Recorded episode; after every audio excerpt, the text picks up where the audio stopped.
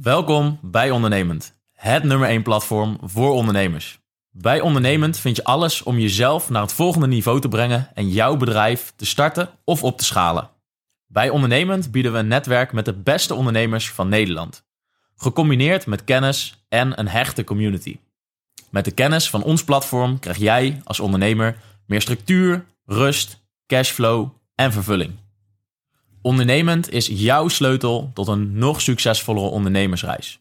Dus wil jij samen met ons jouw maximale potentieel benutten? Join dan onze community. Welkom bij Ondernemend, waar de oprechte verhalen van anderen jou inspireren om meer uit jezelf te halen. Bij Ondernemend vind je echte gesprekken vanuit oprechtheid en openheid. Ondernemend betekent zelfeducatie, groei en op zoek gaan naar jouw waarheid. Erachter komen wie je in de kern bent. De dualiteit in onszelf leren te erkennen. Je grenzen opzoeken en verleggen. Door onszelf stapsgewijs te verbeteren, zullen we uiteindelijk de wereld verbeteren. Wij bewandelen ons eigen pad. Wij zijn ondernemend. Loop jij met ons mee?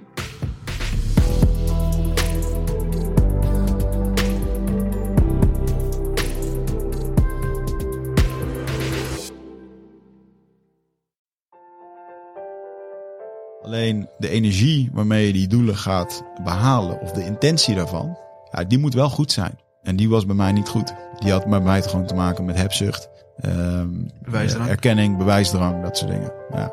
En dan kun, je, dan kun je anderhalf jaar een sprintje nemen en daarna dan, eh, dan stort dat circus gewoon in. En dan word je gedwongen om, om echt te kijken wat er echt in je omgaat.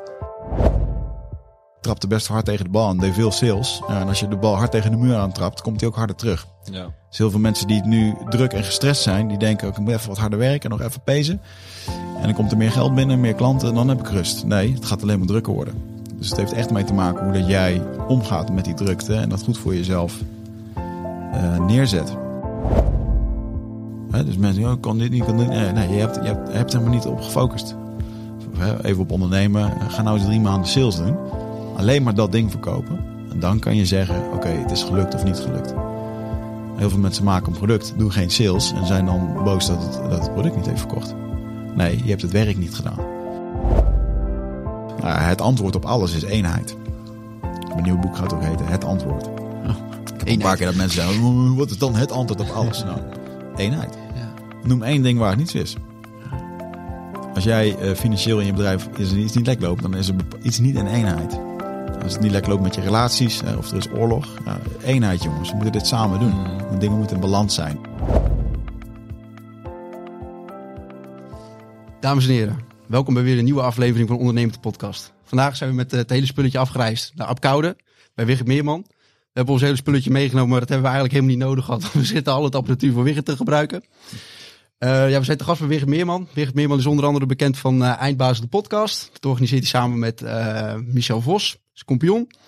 Hij is bestseller-auteur van het boek Op zoek naar antwoorden. Hij beschrijft dat eigenlijk zijn reis die hij gemaakt heeft naar de jungle om nou ja, eigenlijk zichzelf te leren kennen door middel van een dieet. ehm, wat hij bij de inheemse volkeren gevolgd heeft.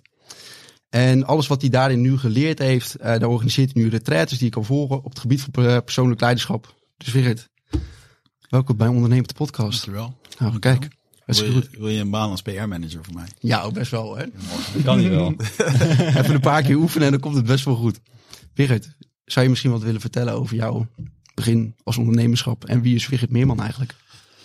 Mijn begin als ondernemerschap. Nou, daar heb ik al een paar leuke anekdotes over, denk ik. Kijk, heel. Ehm, maar heel simpel. Ik ben, ehm, eh, ik ben gewoon naar de MAVO gegaan. Ehm, ik was gewoon, eh, nou ja, volgens ons systeem was ik niet slim. Weet je wel. Ik, eh, ik had ook geen zin om in de klas te zitten. Ik was snel afgeleid. Ik wilde alleen maar stoeien, vechten, eh, actiefilms kijken, dat soort dingen. Dus dat heeft er uiteindelijk toe geleid dat ik naar de MAVO ging. Ehm, daar had ik een, een pretpakket gekozen waar je niks mee kon. Ja. Maar ik had wel Nederlands, dat zat er dan in. En dat was het enige wat je nodig had om vervolgens naar het SEALS te kunnen. Dus toen ben ik daarin gegaan. Ehm, sport- en gezondheidsmanagement heb ik daar gedaan. Fitness en health management. En vanuit daar ja, ontstond gewoon een on- onwijze passie voor vechtsport en liefde. En eh, een liefde voor en passie voor vechtsporten. Dus daar ben ik er vol ingedoken. Braziliaanse jiu-jitsu, mixed martial arts. Eh, ik trainde dat gewoon continu. Eh, was ook een soort van ontsnapping om van huis weg te zijn. Want daar was het op dat moment wat minder. Ehm, door wat familieomstandigheden. En ja, ehm, er zijn altijd wel handeltjes geweest. eh, als je het dan hebt over ondernemerschap. Van waar is dat dan begonnen? Nou, ik denk wel ergens zo rond mijn zestiende. Mijn broer die handelde in heel veel dingen. Ja. Eh, scooters, eh, jassen, Australians, Cavello's. Ik, ik weet niet, dat is denk ik een Nee. generatie verder dan jullie. Zeg mij maar niks inderdaad. Had je de, de gabbers zien, weet je wel. Oh ja, ja, ja. ja. Dat was toen helemaal top. En hij kon dat ergens goedkoop aankomen. Of het was geïmporteerd uit Turkije. En, eh, dus dat dus dat allemaal te handelen. Dus dat begon een beetje met vuurwerk handelen en dat soort dingen. En ehm, uiteindelijk, eh, ik denk de eerste ondernemende stappen. eh, waar ik gewoon over kan praten. Dat, eh, dat ging richting China en Pakistan Oké. omdat ik eh, met mijn studiefinanciering eh, had ik dan eh, voor mijn clubje waar ik vechtsporten deed. Daar organiseerden we ook wel eens, eh, heb ik eh, MMA-evenementen georganiseerd. Je ziet nog daar aan de verwarming zie je een poster hangen van Heat FC. Oh ja. Nou, dat is bijna twintig jaar geleden. Eh, ik was een van de eerste die eh, ja, mixed martial arts gala's in Nederland organiseerde. Ja. Zeker op die leeftijd. En die jongens die hadden ook van die eh, kleding nodig. Bokshandschoenen, rash guards en, en broekjes. En ik ging toen op zoek naar fabrieken in Pakistan. En dan vroeg ik eerst op de sportschool, jongens, wie moet er allemaal zo'n ding hebben? Ik maak een mooi design, echt zo'n club, het clubshirt als het ware. Nou, dat wilde iedereen dan wel hebben. Nou, dan kocht ik dat voor 15 euro in, in Pakistan. Eh, wel met alle risico's van dien, want het kon ook echt drie keer bagger zijn, de kwaliteit. En dan, eh, dan kwam dat een paar weken later aan in een grote bruine doos. En dan kon ik dat uitdelen en dan had ik daar een beetje cash mee. Nou, met die gala's heb ik dus ook wel wat geld verdiend. En ehm, personal training. Dat begon op een gegeven moment wel een beetje, omdat ik natuurlijk op Seals zat. Maar uiteindelijk heb ik dat wel helemaal eh, losgelaten. Eh, ben ik gewoon voor een carrière gegaan naar een HBO marketing management. En eh, toen kwam ik in de financiële dienstverlening online terecht. Eh, waar ik heel snel heel veel geld verdiende. En waar ik toen ook wel snel zag van oké, ik wil uit die gouden kooi. Ik wil iets voor mezelf. En dat is voor mij de stap geweest van oké, ik wil nu echt gaan ondernemen. En toen was ik een jaar of 30, denk ik, ja. Negen jaar geleden. Dat ik die beslissing maakte. Oké. Ehm, ja. Wil je de rest ook nog weten wat het tot nu toe Nou, uit- ik, ik ben eigenlijk wel heel erg benieuwd, want je zegt ik ben eerst begonnen in, eh, in loondienst. Dus ehm, dan zeg je van ik heb daar in principe wel een hoop geld verdiend. Maar ehm, op een gegeven moment dus wel de keuze gemaakt van oké, ik ga toch wel voor mezelf beginnen. Waarom, als je toch wel gewoon een hoop geld verdient bij je werkgever, Mhm. toch iets voor jezelf gaan beginnen met alle risico's van dien? Ja, dat is een heel cruciaal moment geweest. Dat ik op een gegeven moment op een eh, feest stond in eh, Barcelona. Eh, een e-commerce summit. En ik sprak Ja. daar met een van mijn collega's, Neil. Ja.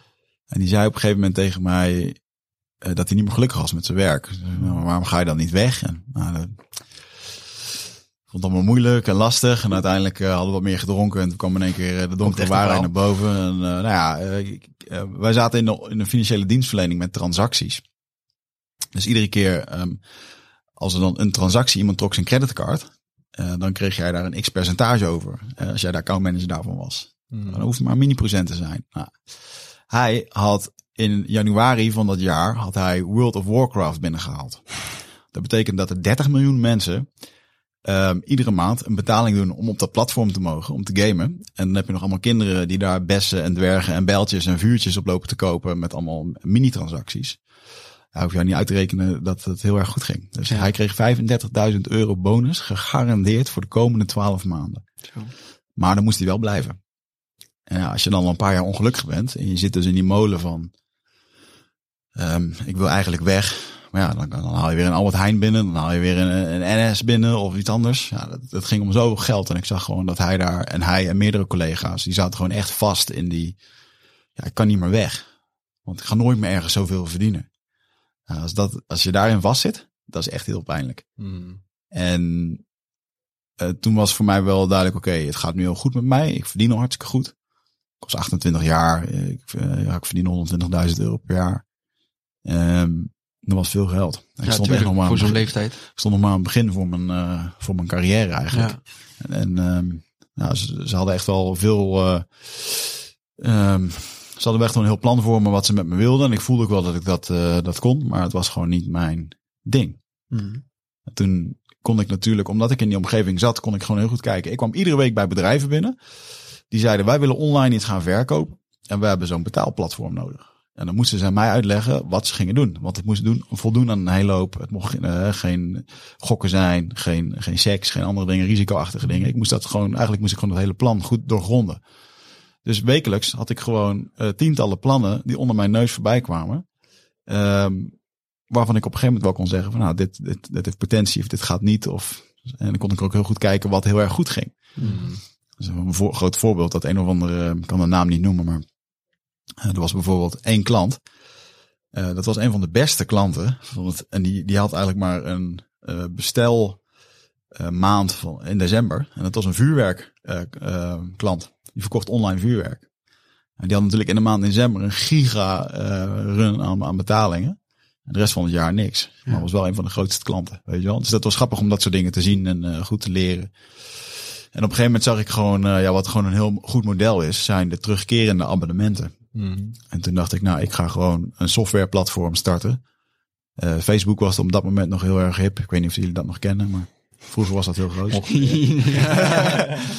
en um, ja, daar kon je dan allemaal apps voor bouwen. En we hadden toen bedacht um, Facebook shopping. Dus dat je daadwerkelijk jouw webshop op Facebook kon gaan neerzetten. Dat was ook een hele hype. Heel veel bedrijven zijn erin. Uh, uh, ja, die, die staken er geld in. Die dachten, dit gaat het worden, social commerce. Maar dat had eigenlijk nog helemaal geen vorm. Dus we waren met z'n allen die vorm eraan, en die probeerden we eraan te geven. Maar uiteindelijk is het natuurlijk uh, de markt bepaald of dat er markt voor is. En de markt bepaalde dat er voor mijn idee geen markt was. Dus ja. Dus dat, uh, dat idee, uh, toen wij ons product klaar hadden, toen, toen plofte eigenlijk die bubbel in elkaar. En zag je heel veel van dat soort bedrijven, ook bedrijven waar wij naar hadden gekeken van die doen het goed, die, die vielen gewoon om. Of er werd een stekker uitgetrokken met funding.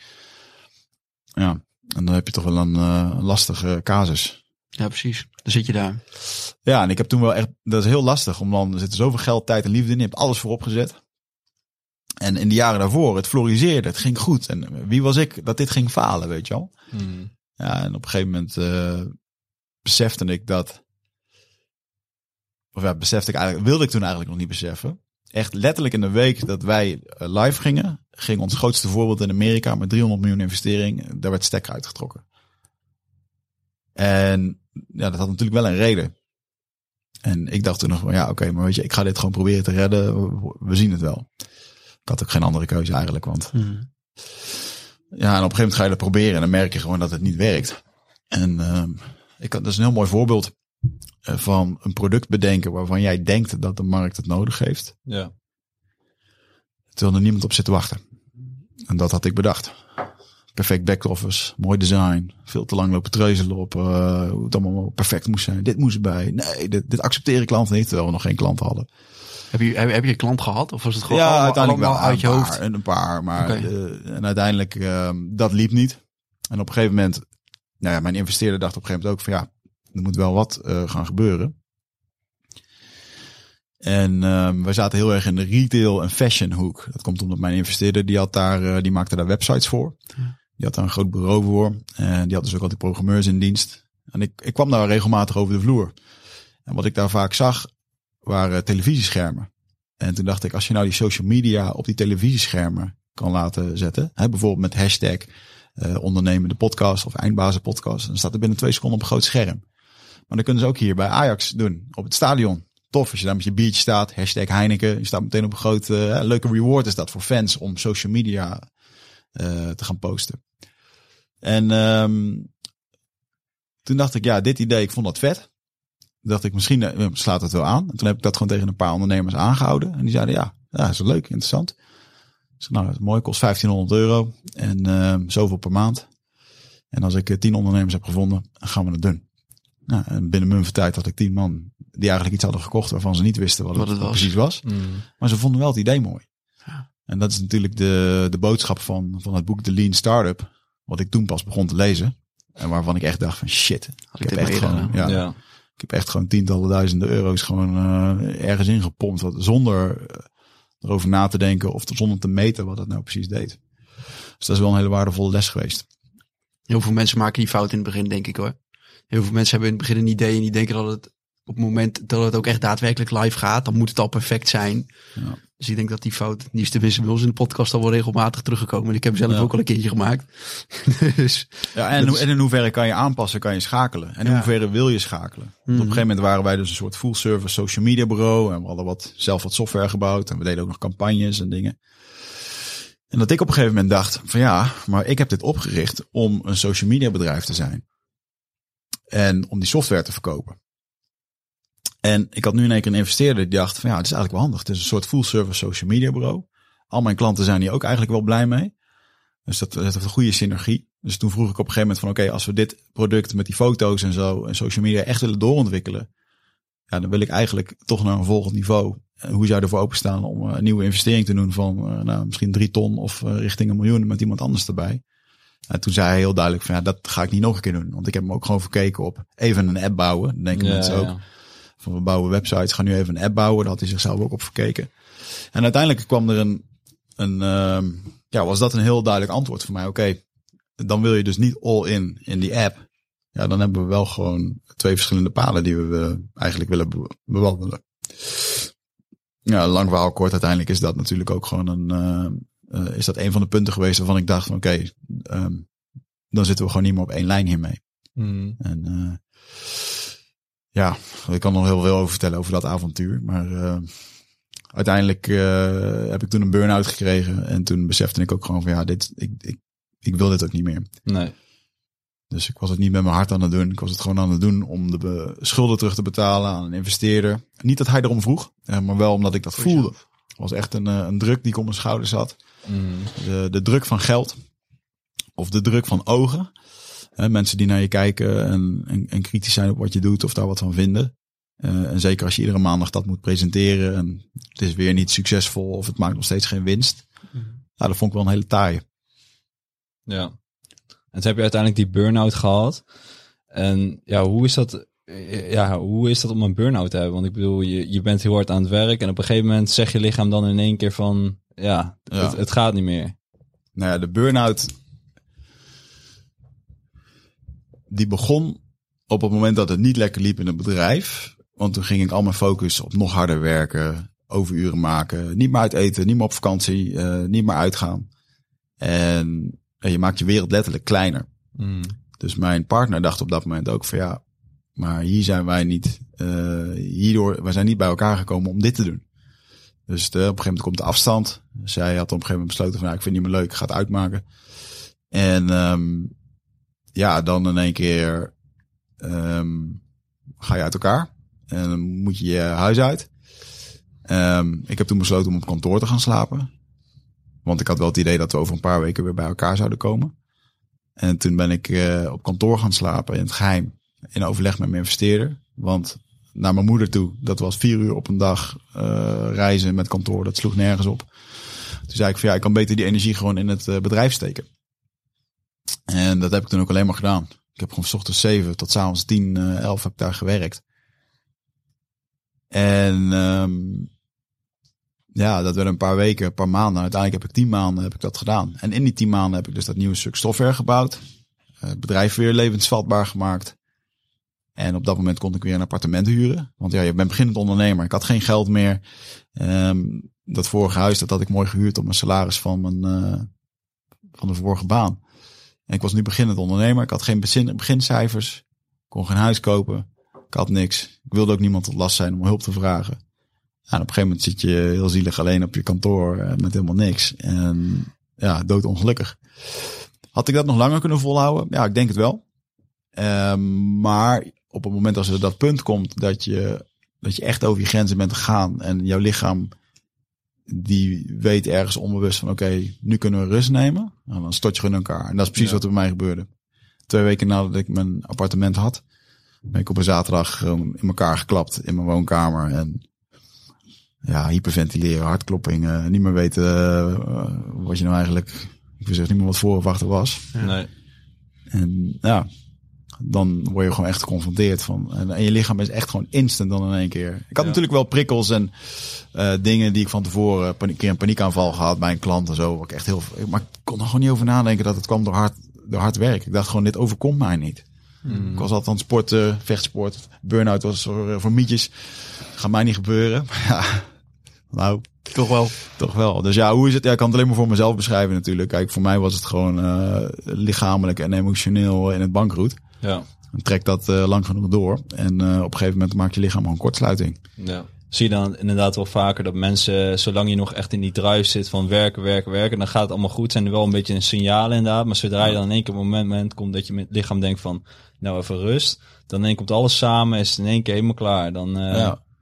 ja, en ik heb het denk ik echt drie jaar nodig gehad om weer eh, zonder, zonder rem te kunnen sporten. Omdat soms ging ik gewoon sporten en dan werd mijn lichaam gewoon weer misselijk. Het was gewoon Ja. een teken van mijn lichaam. En mijn lichaam zei, nee, gaan we niet doen. En misschien is dat gewoon een soort eh, voorzichtig handremmetje wat erin wordt gebouwd. Dus daar heb ik wel, eh, ja, heb ik wel jaren last van gehad om, dat, eh, om daar echt van te herstellen. Ja. Ja. En toen je in die burn-out zat, toen je zelf ook had besloten, oké, ik moet echt stoppen, want anders gaat het gewoon niet meer goed. Hoe ben je toen vervolgens, want je hebt al eerder eh, ayahuasca ceremonies gedaan, hoe ben je vervolgens echt dat pad ingedoken van oké, misschien liggen hier wel antwoorden waar, waar ik meer mee zou kunnen. Ja. Nou, de eerste keer ayahuasca, dat deed ik net voordat ik ging ondernemen. Dus volgens mij was dat op mijn 29ste of 30ste. En die eerste ayahuasca ceremonie, daar ging ik heen met de intentie. Ik had het gehoord op de Joe Rogan podcast. Vast wel bekend. En eh, ik dacht, oh, dit is, dit is waanzinnig man. Dat is echt, eh, dat er gewoon een of ander drankje is in de Amazone. Dat wordt dan wereldwijd, of tenminste Amazonebreed wordt dat gedronken door die indianen. En dan krijg je visioenen en inzichten over jezelf. Vond het fascinerend. Zeker met de, de achtergrond van recreatief eh, drugsgebruik die ik zelf had. vond ik dat wel, ja, vond ik dat wel interessant. En ja, drie maanden later zat ik toen in een ceremonie in Nederland. En ja, toen ging ik daarheen met de intentie. eh ik moest een domeinnaam kiezen voor mijn, voor mijn nieuwe internetbedrijf. En wist ik niet echt. En toen ging ik daarheen om daar, dat was dan mijn intentie. En uiteindelijk voelde ik ook wel dat die intentie niet helemaal was eh, waarvoor je ayahuasca zou moeten doen. Of natuurlijk, je kunt het voor alles gebruiken. Maar toen eh, had ik ook gewoon als intentie van, nou, dan wil ik graag, als ik contact kan leggen met mijn overleden vader, dan zou dat mooi zijn. Want mijn overleden vader, die is eh, ja, twee maanden na mijn geboorte overleden. En ja, daar zou ik wel een teken van willen hebben als dat kan. En toen heb ik vervolgens, eh, binnen vijf minuten had ik de naam van mijn eh, bedrijf. En dat werd easier. En de overige acht uur heb ik in gesprek gezeten met mijn overleden vader. Ja. En, ehm, en dat, dat opende mijn wereld op zo'n nieuwe manier. Want ik was helemaal niet echt spiritueel. Als je het niet echt kon aanraken, dan bestond het ook niet. Ja, dan zit je in één keer daar, eh, ondanks dat het een psychedelica is. Eh, maar dat kan zo heftig zijn dat je dan toch, wauw, er gaat toch in één keer iets open wat voorheen niet zichtbaar was.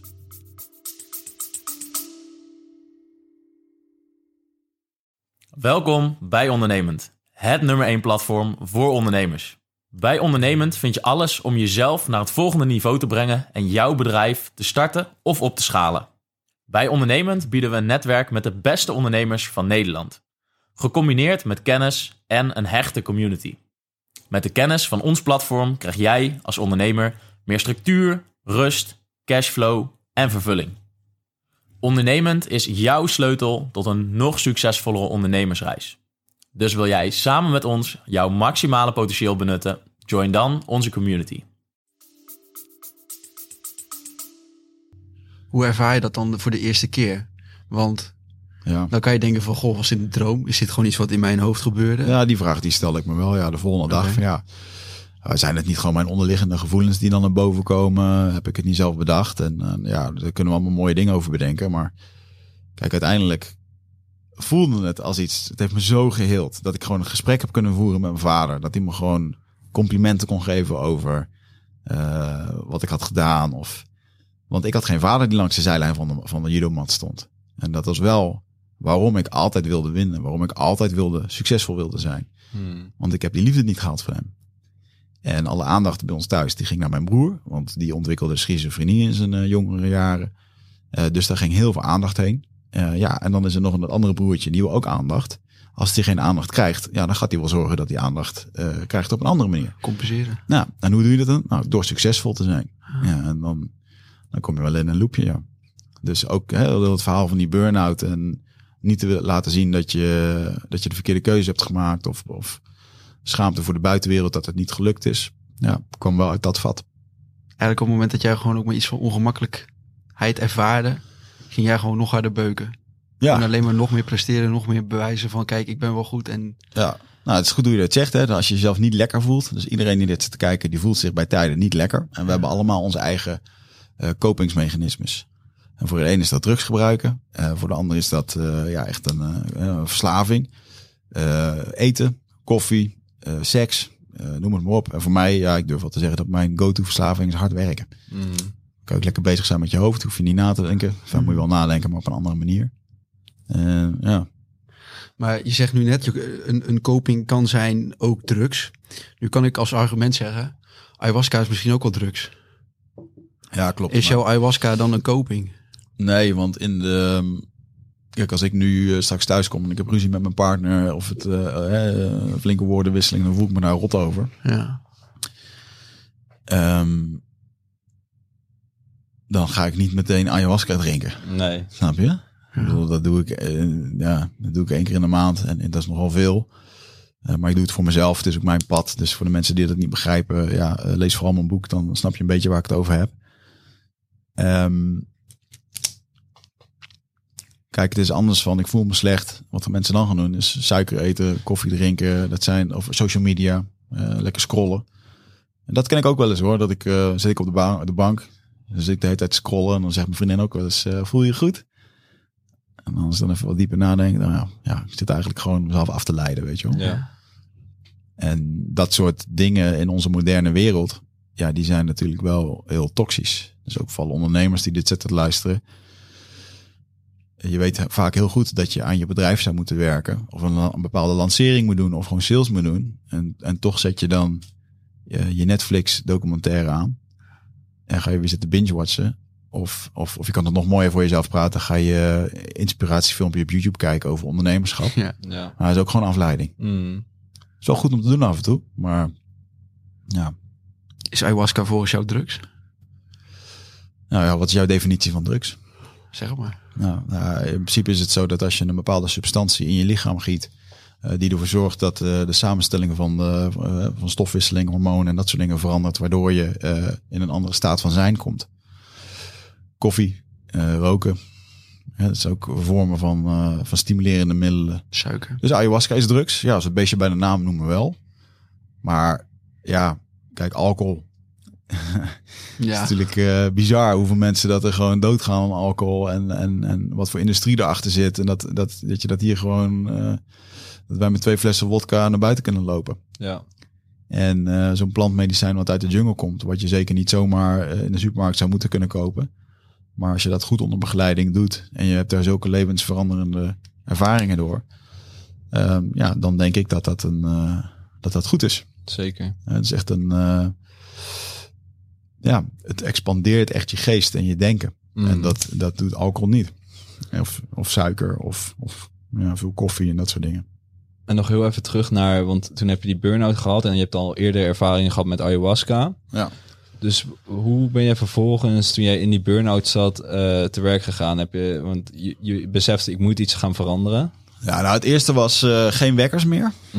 Ehm, want ik stond iedere ochtend heel vroeg op. Hè. Dat echt om zes uur stond ik daar paraat eh, bijna. En nou, toen zat ik in mijn appartement en toen was het oké. niet meer continu in je e-mail, niet meer reactief werken. Want ik trapte best hard tegen de bal en deed veel sales. Ja, en als je de bal hard tegen de muur aantrapt, komt hij ook harder terug. Ja. Dus heel veel mensen die nu druk en gestrest zijn, die denken ook, ik moet even wat harder werken en nog even pezen. En dan komt er meer geld binnen, meer klanten en dan heb ik rust. Nee, het gaat alleen maar drukker worden. Dus het heeft echt mee te maken hoe dat jij omgaat met die drukte en dat goed voor jezelf eh, neerzet. En voor mij was dat dus eh, één keer per dag in die e-mailbox duiken. Eh, weg uit alle social media groepjes van, van WhatsApp en dat soort dingen. Mm. Eh, gewoon, ik kon al die prikkels, ik wilde het gewoon niet meer. Maar het was gewoon een aanwensel. Ehm, mijn immuunsysteem nam niet meer goed op. Mijn verteringsstelsel nam gewoon niet meer goed op. Ik, had eigenlijk, ik had eigenlijk nog steeds wat ik eh at tijdens mijn twee keer per dag sporttijd. Dat deed ik dan, s ochtends en s avonds. En ja, dat patroon heb ik altijd gewoon vastgehouden. Maar ik was wel gestopt met sporten. Dus twee keer per dag biefstuk eten en, eh, vlees en dingen. En, ja, mijn lichaam, dat is veel te veel. Dus ehm, ja, totale rust, dat werd er van mij gevraagd. En gelukkig had ik zoveel sales gedaan dat er genoeg in de pijplijn zat. Eh, en daarom kon ik gewoon zorgen dat ik alleen maar bezig hoefde te houden met de klanten die we al hadden. Dat een beetje pap en nat houden. En nou, dan was het eigenlijk wel goed. En zo heb ik een jaar uit kunnen zitten. En dat betekende dat ik mezelf dwong om lekker naar eh, het parkje te gaan in Amsterdam. Een boekje erbij, een yogamatje, chillen. En, eh, ja, en echt een beetje de verdieping maken in persoonlijk eh, leiderschap. Want daar was ik toen wel mee begonnen. En uh, Michael Project heeft mij er heel erg bij geholpen over grootste denken, groter, grotere doelen stellen. En eigenlijk is het best wel simpel om iets, om een doel te behalen. Als je wordt uitgelegd, de blauwdruk achter hoe je je doelen behaalt, is best simpel. Het is niet makkelijk, maar het is wel simpel. En eigenlijk kan je dat iedereen uitleggen. Alleen de energie waarmee je die doelen gaat behalen, of de intentie daarvan, ja, die moet wel goed zijn. En die was bij mij niet goed. Die had bij mij gewoon te maken met hebzucht, ehm, Bewijsdrang. erkenning, bewijsdrang, dat soort dingen. Ja. En dan kun, je, dan kun je anderhalf jaar een sprintje nemen en daarna dan, eh, dan stort dat circus gewoon in. En dan word je gedwongen om, om echt te kijken wat er echt in je omgaat. En, eh, en andere keuzes te maken. En, eh, want toen ben je uiteindelijk, eh, uiteindelijk ben je naar de jungle gegaan, vlak na die periode. Hoe kom je daarbij? Want dan zullen mensen ook denken van ja, dat is wel heel rigoureus. Als je bijvoorbeeld, eh, ja, je gaat eerst heel veel rust nemen. Ja. En dan besluit je toch van, nou, ik ga naar de jungle. Ja, ik weet nog goed hoe dat ging. Was ergens eh, in maart kreeg ik toen eh, die burn-out. Toen heb ik nou, tot december echt flink rust gehouden, negen maanden. Toen voelde ik me eigenlijk wel weer goed. Toen begon ik een beetje in Excel-sheetjes te duiken van nou, we moeten volgend jaar weer een beetje gaan, gaan voorbereiden. Daar, eh, in het moment dat ik dat begon te doen, voelde ik weer in mijn lichaam, ah, ik wil dat helemaal niet meer. Dus ook al wat gesprekken met mijn eh, nieuwe vriendin eh, toen gehad. Eh nog steeds mijn, mijn partner Marieke. En ja, toen dacht ik al van ja, misschien moet ik het wel inderdaad gaan verkopen. En dat was voor mij het moment dat ik dacht van nou weet je, ik ga nog eens een keer een ayahuasca ceremonie doen. En het is wel mooi wat je er net al noemde, hè, van wanneer is het drugs of zo. Ik heb dus ehm, ook ayahuasca gedaan in het begin van mijn burn-out. En toen was het dat medicijn, wat echt een soort bewustzijn is, die zei tegen mij van, joh Wigert, wat je nu aan het doen bent, is niet oké. Je bent het nu aan het misbruiken. En door even weer dit te doen, je weer even goed te voelen. Wat jij nodig hebt, is gewoon rust. Je gaat helemaal niks doen. Toen heb ik het ook maandenlang niet, niet eens durven doen. Hè? Dus moet je je je voorstellen dat jij nu een antidepressiva pil neemt en die antidepressiva pil die zegt eh, tegen jou, yo, Rustig aan. rustig aan, gaan we niet meer doen. Ja. is niet nodig. Ja, dat is natuurlijk niet hoe dat onze farmaceutische industrie in elkaar eh, gezet is. Of geld aan kan verdienen. Nee, dus ik vind het heel mooi dat dit soort, eh, ze noemen het dan ook een plant, plantbewustzijn, dat dan gewoon met je communiceert. En als je dat ooit hebt ervaren, ja, dan weet je gewoon dat dat iets veel groters is dan onszelf. En nou goed, ik eh, was toen wel redelijk eh, eh, oké aan het worden. En toen dacht ik, nou, ik ga toch een keertje nog een ceremonie doen om wat inzicht hierover te krijgen. En toen had ik een visioen bij een Braziliaanse shamaan die in Nederland was. dat ik mijn bedrijf zou gaan verkopen. En dat ik een vervanger zou vinden voor mij binnen het bedrijf. En dat ik zes maanden later in september naar de jungle zou gaan in Brazilië. En zo is het exact gegaan. Absurd hoe dat dan, Dus- hoe dat dan werkt. Dus ehm, kort samengevat, een burn-out, vriendin weg, huis weg, geen geld. Dan maar naar Brazilië in de jungle om Nou, te dat, gaan trippen op ayahuasca. nou, dat gebeurde natuurlijk allemaal. eh, het is iets andere volgorde. Hè? Dus eh, geld alles kwijtgeraakt. Ja. Daardoor op kantoor gekomen. eh, jezelf helemaal eh, rot gewerkt. Eh, tien maanden lang. Eh, toen kreeg ik een huis. Toen stortte ik in. Toen heb ik negen maanden gerevalideerd. Toen kreeg ik een nieuwe vriendin. Mm. En wat, eh, of tenminste, de, ik leerde haar toen kennen. En vanuit daar eh, ja, naar Brazilië gegaan. Oké. Dus soms klinkt het makkelijk om te zeggen, ik ben alles verloren en daarom ben ik naar de jungle gegaan. Het klinkt ook leuk. wel- het klinkt ook, ja, als je het in twee zinnen moet uitleggen, dan is dat ook zo. Ja. Maar ehm, ja, en ook, ook dat. Ik had ook altijd wel het idee van als ik ooit een van mijn bedrijven verkoop, omdat ik dat ayahuasca zo interessant vond. Ik vond het gewoon super interessant om iets te, een psychedelica te nemen, die wereld van psychedelica Want als je dat neemt, dat je gewoon iedere keer inzicht over jezelf hebt en, en daar weer mee verder kan. Ik vind het, ja, ik vind het heerlijk om dat, eh, om dat te exploreren. Ik zou mezelf dan ook wel een psychonaut noemen. Mm. Gewoon die realm eh, ja, exploreren en kijken wat er te vinden is. En daar kan je jezelf ook in verliezen. En die, die, die momenten heb ik ook gekend. En dat was bijvoorbeeld zo'n moment dat je het ging misbruiken voor je burn-out. Maar nu, eh, nu denk ik dat ik daar een goede modus in heb gevonden. Oké. En, want toen ben je naar de jungle geweest en dan ga je natuurlijk ook een hele hoop ongemak tegenkomen. Hoe is dat toen, al- die ervaring geweest? Want ik bedoel, je komt dan net uit die burn-out, je, je gaat dan naar die jungle toe, ehm dan komen er hele hoop nieuwe dingen op je af. Eh, je komt mensen tegen waar je de taal niet van spreekt. Eh, je gaat eh, nog dieper de ayahuasca in, zeg maar, dan je normaal deed. Ja. En hoe, hoe, ja, hoe is zoiets? ja, je komt in één keer in een wereld die je alleen maar kent normaliter uit. Ja, ik kan het eigenlijk niet eens voorstellen. Je ziet natuurlijk wel wat op televisie of zo. Maar moet je je voorstellen dat ik jou morgen ergens met een bootje eh, laat aankomen waar niemand jou begrijpt of spreekt. Ehm, ja, je bent gewoon een interessant soort object, want er komt in één keer een blanke man in de, In de in de gemeenschap. jungle. En eh, ja, dan ben jij in één keer de aap in de dierentuin. Weet je wel? Ja. Eh, en natuurlijk gewoon geen stroom, geen, eh, geen stromend water. Eh, al die voorzieningen zijn niet, geen internet. Ja, dan zit je in één keer met jezelf daar. En ehm, ook niet alle afleidingen van lekker eten en dingen. Zo op zich wel lekker eten in de jungle, maar ik mocht dat niet eten omdat ik daar een speciaal ritueel ging doen hè, om jezelf te leren kennen. Eh, eigenlijk een ritueel wat de inheemse al, al honderden jaren gebruiken voor zelfontwikkeling. Geen zout, geen suiker. Eh, Veel alleen zijn. Ja, vervolgens, eh, als dat allemaal gebeurt, ja, dan wordt het heel vervelend. Want dan heb je niet meer die afleiding. En dan word je dus in één keer geconfronteerd met jezelf. Dus ja, ik was nog een soort van herstellende van die burn-out.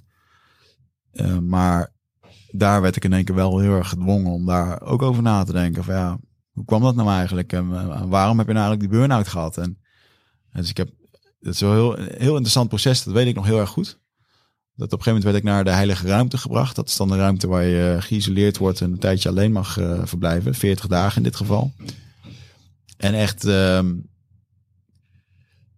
je merkt gewoon dat als je geen zout en geen suiker mag eten, dat, daar word je heel erg gevoelig van.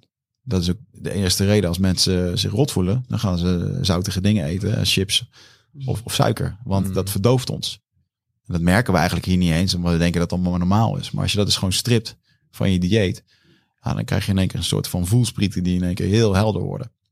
En ik weet nog wel, nou, dan ben keer alleen in die jungle. Ja, en de eerste dag is dat allemaal leuk. Nou, ik ben hier. De tweede dag wordt het dan normaler. En de derde dag dan loop je ook gewoon stierlijk te vervelen. En, en dan op een gegeven moment kun je niet meer weglopen voor wat daadwerkelijk speelt. Hè? Of de... ehm, We zijn hier aan het verbouwen langs. Ja, nou ja.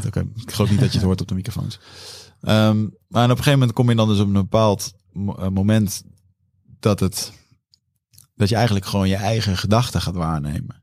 En dat je je eigen gevoelens gaat waarnemen. En dan in één keer voelde ik echt een wervelstorm van boosheid. Eh, boos op mijn investeerder. Boos eh, dat het product niet was gelukt. Teleurgesteld. En vervolgens ook alweer het besef van ja, maar fuck, ik heb dit gewoon zelf gedaan. Weet je wel. Dus helemaal, ik hoef helemaal niemand de schuld van te geven. Maar je merkt dan toch dat je ego gaat in alle kanten en kronkels. eh, probeert die dingen goed te praten. En probeer het een plekje te geven voor jezelf. Ja, dat vond ik wel echt heel lastig. Zeker. En dat, daar, word je dan, daar word je dan gewoon mee gedwongen.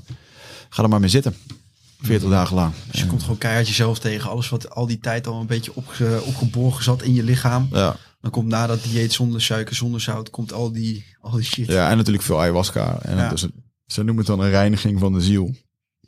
En ehm, eigenlijk om al het negatieve uit je te halen.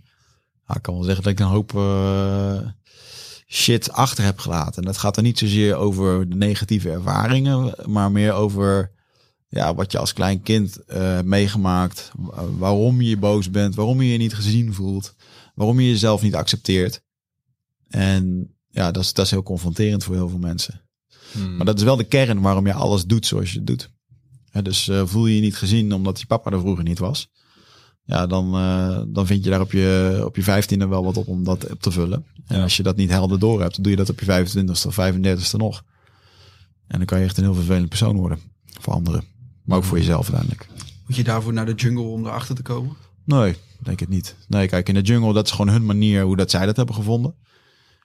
Ik denk dat, uh, je hebt natuurlijk ook het boeddhisme of sommige mensen doen van die stilte retreats. Of sommigen zitten helemaal in de ademhaling. Of ja, iedereen vindt wel wat. Um, ik denk dat je gewoon moet vinden wat voor jou werkt. En voor mij is dat toevallig dit geworden. Um, ja, en dat, voor veel mensen is dat veel te extreem. Dat denk ik ook. Maar ik vind het wel, uh, bij mij past het. Voor wat, bij, bij wat voor mensen past het wel? Ayahuasca. Ja, nou, ik heb dat mooi beschreven in de introductie van, uh, van mijn boek. Moet ik het even bijpakken. Pak hem bij. Voorlezen met Wigert. Het boek, jongen.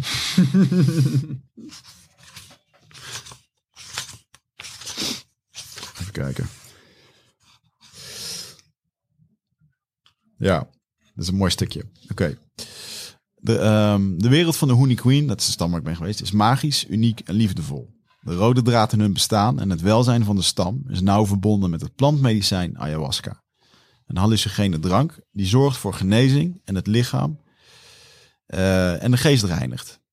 Ik wil je vragen om open-minded naar dit verhaal te kijken. Veroordeel de methode niet, kijk naar de uitkomst. Omdat je dit boek in handen hebt, doe ik de aanname dat je nieuwsgierig bent van aard. Nieuwsgierige mensen stellen vragen omdat ze openstaan voor nieuwe waarheden en onbegrensde mogelijkheden. En ik denk dat dat alles zegt. Want als jij denkt dat deze wereld die we nu, nu waarnemen, dat dat het is, Dat ja, dan, uh, dan begrijp je het niet. Nou, dan krijg je ook een hele klap als je het een keertje voor de eerste keer doet. Ja, maar het opent wel een hele hoop perspectief en, en, en vallen dingen meer op zijn plek en is dat toch wel fijn. Ja. Ja. Dus ik denk wel dat er uh, die onbegrensde mogelijkheden en gewoon nieuwsgierigheid. Van ja, zou er ook nog wat anders kunnen zijn? En ik ken ook heel veel mensen die zullen dit totaal niet doen of die, die zijn helemaal anti, om wat voor reden ook. Maar um, kijk, vaak is dat natuurlijk ook uh, psychedelica. Het grootste ding waar aan, aan getrokken wordt is je controle. Want die heb je dan niet. Dus durf jij ja, iets naar binnen te gooien waardoor je geest zodanig alle kanten op kan gaan. Je weet niet wat je gaat tegenkomen. Dus het is ook heel spannend. Het is ook heel eng. Ja. En nogmaals, het, moet je ook gewoon, uh, uh, ja, het moet je ook gewoon leren. Kijk, er zijn ook heel veel mensen die uh, bergen beklimmen of extreme sporten doen of hard trainen ja. of die diezelfde inzichten hebben gevonden omdat ze naar de commando's gingen of dat ze naar uh, Mariniers gingen of andere dingen gingen doen. Dus weet je, um, zo, zo, zo, het belangrijkste is gewoon dat je erachter komt wie je bent. Dat is altijd een beetje de kernvraag waar ik nu mensen mee help. Okay. Erachter komen wie je bent, wat je wil en hoe dat je dat gaat doen. En erachter komen wie je bent, dat doe je door het avontuur aan te gaan. Dat doe je door een keer een sporttest te doen. Dan weet je hoe fit dat je bent. Dat doe je door een keer een week met jezelf op vakantie te gaan. Dan weet je of dat je makkelijk bent met sociaal, of hè, hoe goed je sociaal contact kan leggen. Kan je in je eentje uh, overleven. Nou, dat zijn allemaal kleine mini-testjes die, erachter, die ervoor zorgen dat jij erachter komt. Uh, of die langzaam helder maken wie jij bent. En ja, ik denk dat je daar steeds meer in kan verdiepen door allerlei verschillende dingen te doen. Dus voor de meeste mensen die bijvoorbeeld zeggen van ja, maar ik wil ook wel weten wie ik ben, maar ik durf geen ayahuasca. Nou, is goed, ga eens een keertje een week alleen op vakantie. Ga drie weken backpacken in Thailand in je eentje. Ja. Kijk eens wat dat met je doet. Het wilde pad. Hm? Het wilde pad. Hetgeen wat je nog nooit gedaan hebt, maar wel een uitdaging is waar je jezelf op tegenkomt. Juist, ja. En, en, en, en het mag ook best spannend zijn. Ja, ja. is ook spannend in je eentje op vakantie en uh, kijken wat er allemaal gebeurt. Ja. Nou, als je het allemaal hebt gedaan, dan is het mooi. Mhm. Wordt steeds makkelijker. Ja. Ik wil niet zeggen, tenminste ik reis zelf ook nog wel regelmatig alleen, maar um, de eerste keer is het heel lastig inderdaad. Maar je blijft wel altijd tegen uitdagingen aanlopen. Dat kan ik je wel vertellen. Maar waar ik nog heel eventjes op terug wil komen, Wigert. Ik, ik vroeg net aan jou voor wie is het wel. Heb je ook een duidelijk persoon van wie je zegt van deze mensen moeten het echt, echt niet doen? Nou, je hebt natuurlijk mensen die uh, uh, aanleg hebben voor diep, uh, depressiviteit, schizofrenie, bipolaire dingen. Gewoon als je mentaal of geestelijk gewoon in de war bent, moet je het niet doen. Mensen die er bang voor zijn, moeten het ook niet doen. Ik krijg wat, veel mensen willen dan van mij een soort advies. Van, maar ik denk, ik, ik, denk wel dat ik het ooit wil doen, maar ik ben er gewoon bang voor. Ja, dat moet je niet doen. -hmm. En dan moet je maar zorgen dat, die, uh, dat je die angst een andere plek geeft. Of dat je er meer over leest. Of dat je het uh, vertrouwen bouwt. Hetzelfde als iemand zegt ja, ik wil ook op reis, maar ik durf niet. Oké, okay. waarom dan niet? Ja, dan kun je daar toch een beetje... Nou, misschien ga je eens een keertje een weekendje naar Londen in plaats van drie weken naar, naar Bangkok. Weet je wel? Dat is al wat anders. Of ga ja. met een paar vrienden. Dan kun je langzaam kun je stapjes op gaan bouwen om daar naartoe te gaan. En eh, kijk, en uiteindelijk is het ook gewoon, het is maar een methode. Een van de honderden miljoenen methoden die er zijn op deze wereld. Want wereldwijd, als je National Geographic zit te kijken en je ziet in, eh, in Ghana van die bosjesmannen, en dan zie je daar eh, trillen en doen en dansen. Ja. En denken, oh, die zit een leuk dansje doen. Nee, die zit zichzelf in een andere staat van zijn te brengen. En dat kan ook middel van je eigen lichaam. En zij doen het door drie uur lang te dansen. Sommige mensen doen het door een marathon te lopen. Eh, en andere mensen doen het weer door ademhaling. Ja. Dus er zijn zo ontzettend veel manieren om, om, ja, om tot zelfontdekking te komen. Dat, dat plantmedicijnen zijn er maar een manier van. Zeker. Ik vind het altijd wel eh, een eh, interessant iets van, oké, je, je krijgt daar allerlei inzichten. Je bent dan bijvoorbeeld, eh, je bent dan de hele tijd in de jungle geweest, maar daarvoor heb je ook al verschillende ceremonies gedaan. Hoe zorg je ervoor dat je die inzichten die je dan krijgt, en misschien op dat moment voelt het heel helder, weet je, weet je oké, ik moet dit pad gaan bewandelen of ik moet eh, deze keuze gaan maken. Hoe zorg je dan voor dat vervolgens, als jij weer in het dagelijks leven komt, waar je alle, allerlei impulsen hebt, allerlei stimuli die je eigenlijk altijd al hebt ervaren en wa- waar je misschien weer helemaal in hetzelfde routinetje komt. Hoe zorg je ervoor dat je dan weer die inzichten die je daar hebt gekregen, kan verwerken in je dagelijks leven? Ja, dat is de kunst van alles. Want je kan ook naar allerlei business retreats gaan of seminars. En allemaal trucjes eh, volgen. En uiteindelijk het gewoon allemaal niet opvolgen. Er niks mee doen. Eh, Dat is het gros wat van de mensen die naar zulke workshops gaat. En kijk, je moet uiteindelijk eruit pakken wat voor jou eh, echt essentieel is en wat belangrijk is. Ik denk dat plantmedicijnen je dat heel gericht geven. Maar ja, als je niet oppast, zit je over een maand weer daar en komt weer datzelfde ding naar voren. Hè, dus is op een gegeven moment ook wel een bepaald iets van oké, wat komt nu de hele tijd terug? Waar kan, waar kan ik mezelf echt in ontgroeien? Bij mij was dat bijvoorbeeld echt eh, ja, de, angst voor eenzaamheid. Eh, ik ben al heel vroeg blootgesteld aan eh, dat mijn vader overleed. hommeles in het gezin. Dus voor mij was het, heel, was het niet vanzelfsprekend dat er, een, dat er een warm vaste hechting was in het gezin. Dus als ik dan bijvoorbeeld in relaties eh, zat, dan wilde ik, eh, was ik heel erg bang om dat te verliezen. En dan ging ik een soort, eh, werd ik een soort, eh, zo- zo'n aanhankelijke golden retriever werd ik dan in een relatie. Ja, dat is helemaal niet aantrekkelijk voor, voor een vrouw. Maar dat deed ik om gewoon maar die vrede te bewaren. En, en dus dat zijn belangrijke dingen die, die je leert, die je inzicht geven. En waar je vervolgens wat mee moet doen. Kijk, en er is alleen maar het moment. Dus als ik jullie hier nu een glas ayahuasca geef, dan is er alleen maar het moment wat er nu in je speelt. Kan volgende week weer anders zijn. Eh, dus eh, dat is ook het gevaar, dat als je dat dus vaker gaat doen, ja, dat je dan in een soort van, eh, je kan in de bak van emoties bl- blijven roeren, eeuwig. Want straks is er iets met je moeder, heb je een gesprek gehad. Straks is het met je vader, dan is het met jou of met je bedrijf. Er is altijd wat. Het houdt nooit op. En ik denk dat dat ook echt een besef moet zijn voor mensen. Van ja, die hebben dan vaak het idee van als ik nog één keer die therapie volg, dan, dan is dit over. Nog één keer ja, dat retreat of als hij me gaat coachen, dan komt dit wel. Ja, dat is niet waar, want als dat probleem is opgelost, komt de volgende weer. Dus ehm, het houdt niet op. En jij hebt alleen maar je te richten op het werk dat voor je ligt. En het werk dat voor je ligt, dat kom je vaak tegen wat er nu speelt in je relaties, in je werk en bij jezelf. En daar heb je het werk op te verrichten. En dat is echt spiritualiteit. En dat is niet de boeken lezen en zweven en mediteren totdat je de lucht in zweeft. Nee. Eh, heb je gezeik met je vriendin. Eh, Mhm. dat, is de, dat is je spirituele les. Welke les kan je uittrekken voor jezelf? Eh, je loopt je bedrijf niet goed met geld? Oh, interessant. Waarom eigenlijk niet? Ja, ik heb geen klanten. Oh, echt? Heeft het te maken met geen klanten? Of heeft, durf je niet zichtbaar te zijn? Eh, durf je geen verkoop te doen? Eh, eh, durf je geen, ben je bang voor afwijzing? Nou, dat zijn allemaal dingen. Als je daarin groeit, als je dat soort dingen kan, kan dan transformeren, ja, dan groeit de rest mee. De relatie, het bedrijf, het geld, de liefde.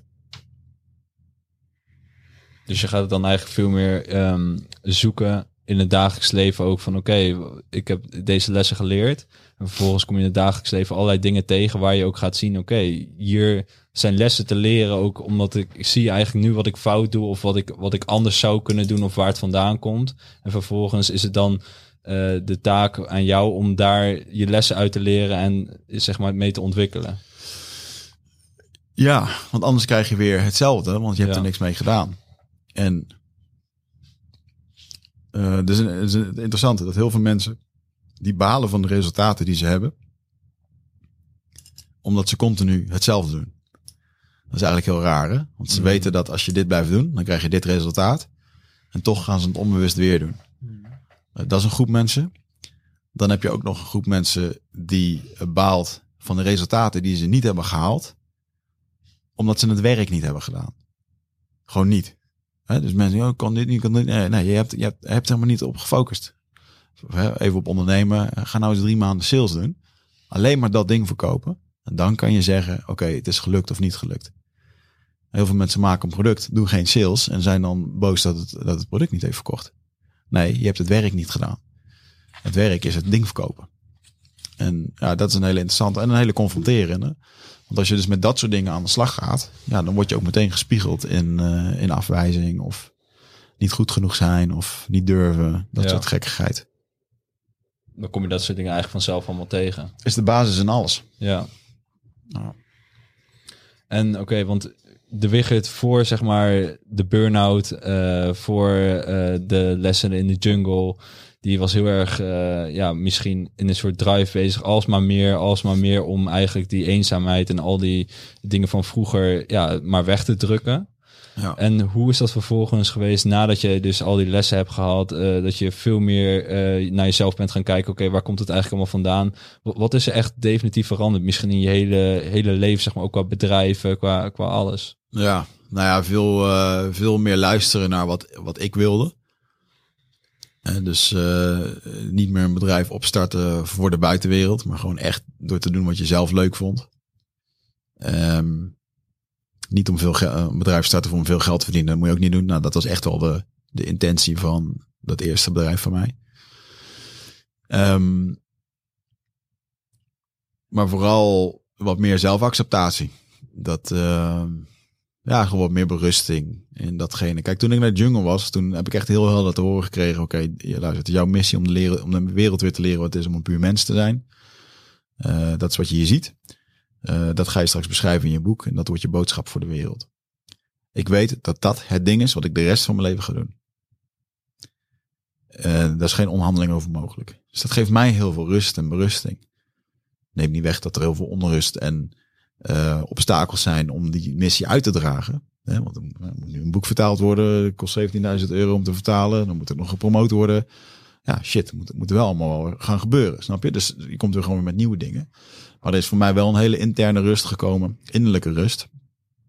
In het feit dat dit gewoon is wat ik wil doen. En eh, ja, dat geeft mij heel veel geruststelling.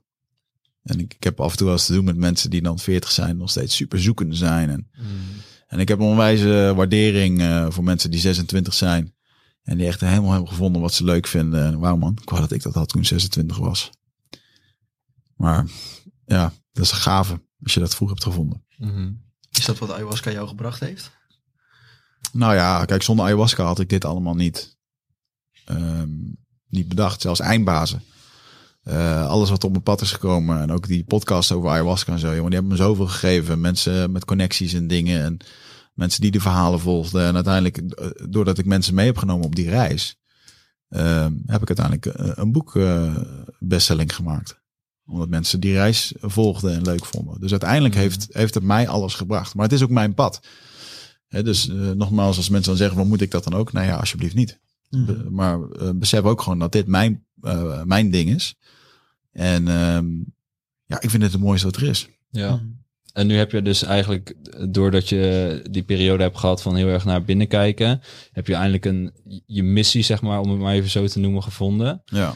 En zou je nu zeggen dat je, want in het voorheen heb je natuurlijk heel hard, wanneer je iets wou, ben je er heel hard van gaan werken en eigenlijk helemaal over de kop gegaan. Mhm.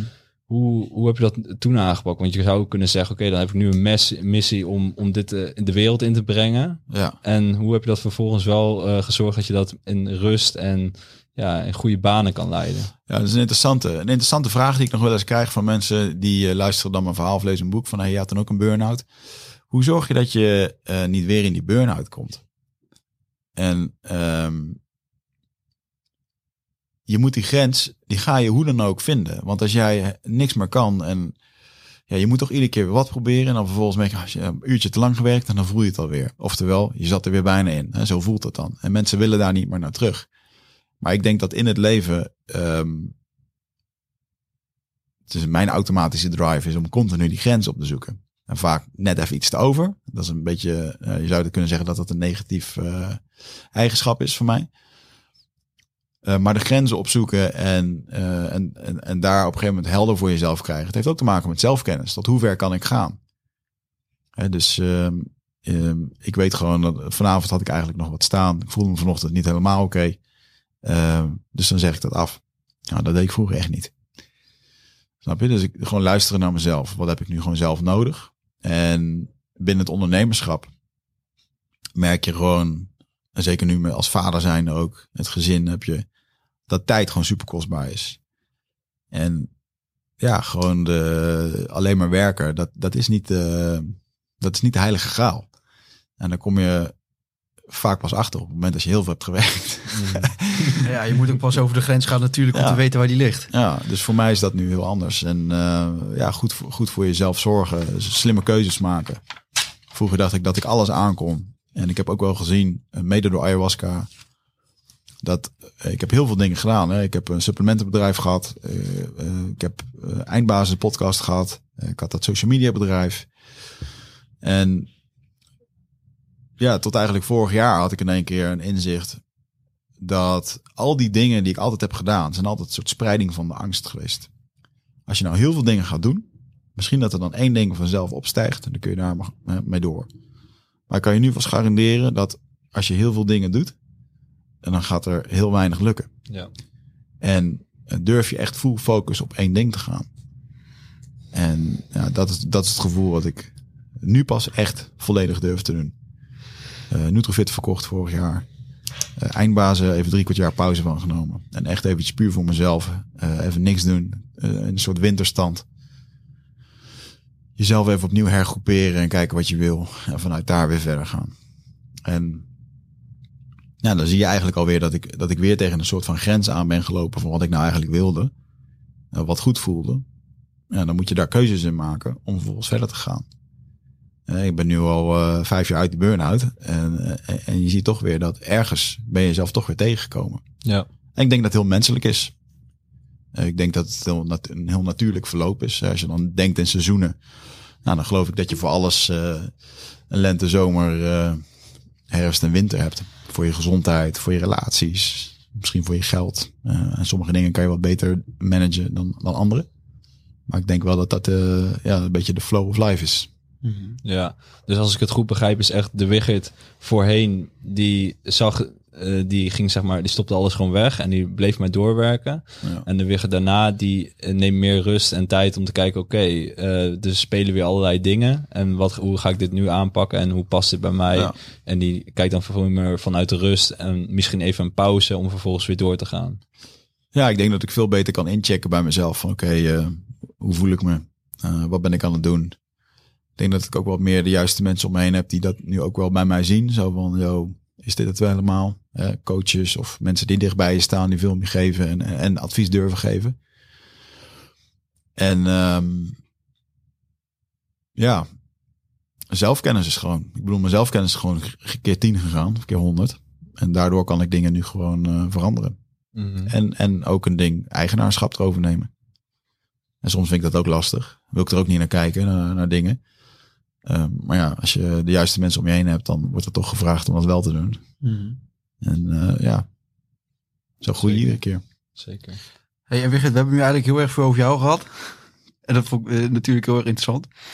Alleen waar ik eigenlijk ook nog wel heel even heel graag met jou op in wil haken. Mhm. Kijk, ehm, heel veel mensen hebben momenteel over psychedelica, over ayahuasca en over dat je kan helen en, en van alles en nog wat. Er is heel veel informatie, maar ehm, ook over misvattingen. Mensen zitten heel veel vast in hun eigen dogma's en ook hun manier hoe ze er een beetje naar kijken. Mhm. En ik wil eigenlijk heel graag aan jou vragen van hoe ga je nu eigenlijk op een verantwoorde manier om met psychedelica of met ayahuasca of wat dan ook. Hmm. In de jungle heb jij een mooie shamaan bij je.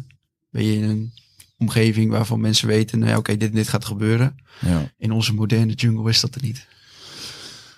Nee, en het is ook een gigantische misvatting dat mensen wel eens zeggen van, ik, ik denk, ik heb, eh, die, die horen dan van mijn verhaal, en die mailen me dan van, ik heb ook een rot verhaal, ik heb dit en dat, ik heb zus, ik denk dat ik ook naar de jungle moet. Ja.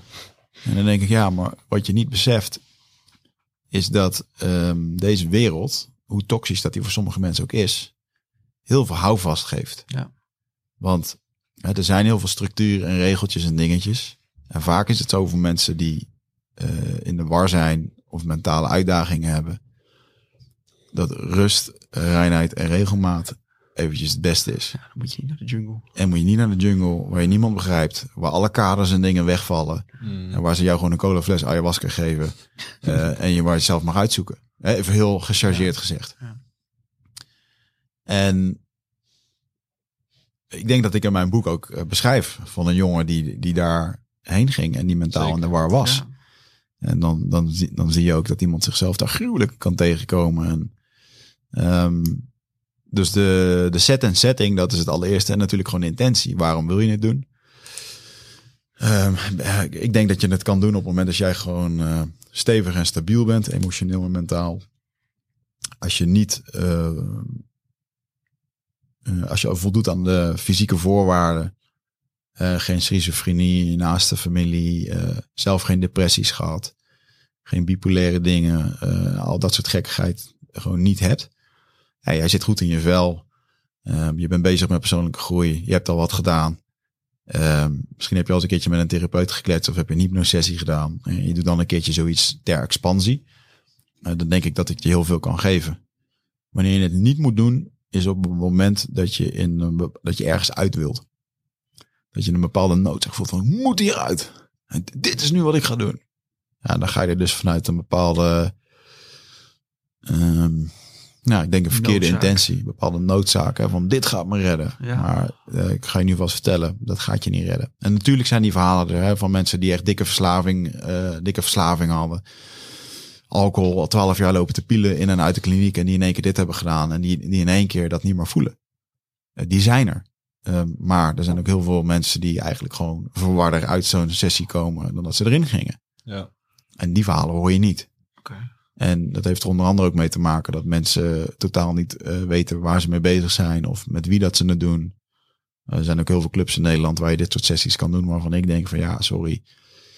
Het is, Ja, niet, niet zoals, het is niet zoals het mij geleerd is in de jungle Nee. en eh, hoe we daarmee omgaan. En ehm, als je de grootsheid van psychedelica ook maar een beetje begrijpt, dan zou je er eigenlijk heel bang voor moeten zijn. Hmm. En we begrijpen het ook niet. Psychologen begrijpen het ook niet. En het wordt wel wetenschappelijk nu heel erg onderzocht. Omdat hè, mensen bijvoorbeeld met PTSD, dat er echt giga doorbraken komen met mensen die dat in één keer een plek kunnen geven. Eh, maar we weten niet wat er gebeurt. En jij weet ook niet welk luikje er open gaat op het moment dat jij het neemt. En daar moet je wel klaar voor zijn. Zeker. Maar w- dit is wel heel interessant, want je zegt net, ehm, als je er bang voor bent, zou je het eigenlijk niet moeten doen. Dan is ayahuasca niks voor jou. Nee. En daarna zeg je eigenlijk zou je er heel bang voor moeten zijn. Nou, er is een verschil in de zin van. Kijk, als je echt bang bent om iets te doen, Ja, dan moet je het niet doen. ja, Maar als jij met eh, twee vrienden zit die continu zeggen, ah, dit is zo goed en heeft me zo geholpen, jij moet het ook doen. Ja, maar ik durf het niet. En je gaat het dan toch doen, dan ga je een hele nare avond tegemoet. ja, bekend verhaal. En je luistert dus niet naar jezelf. Ja, Ehm, maar anderzijds ehm, vind ik wel, hè, dus je moet een bepaald begrip hebben of een bepaald gevoel van, nou, dit, dit is iets voor mij, dit roept mij. Eh, sommige mensen gaan naar stilte retreats, nou daar heb ik dan niks mee. Zeven dagen in je mond houden met, eh, met een hele groep mensen, dat ja. Nee. eh, verschrikkelijk. Trek me helemaal niet, ga ik ook nooit doen, weet ik nu alvast. Krijg je Joost van de podcast bent, gewend bent aan praten. Ja, precies. Nou, met de podcast begonnen en anders was ik al een stilte retreat ja.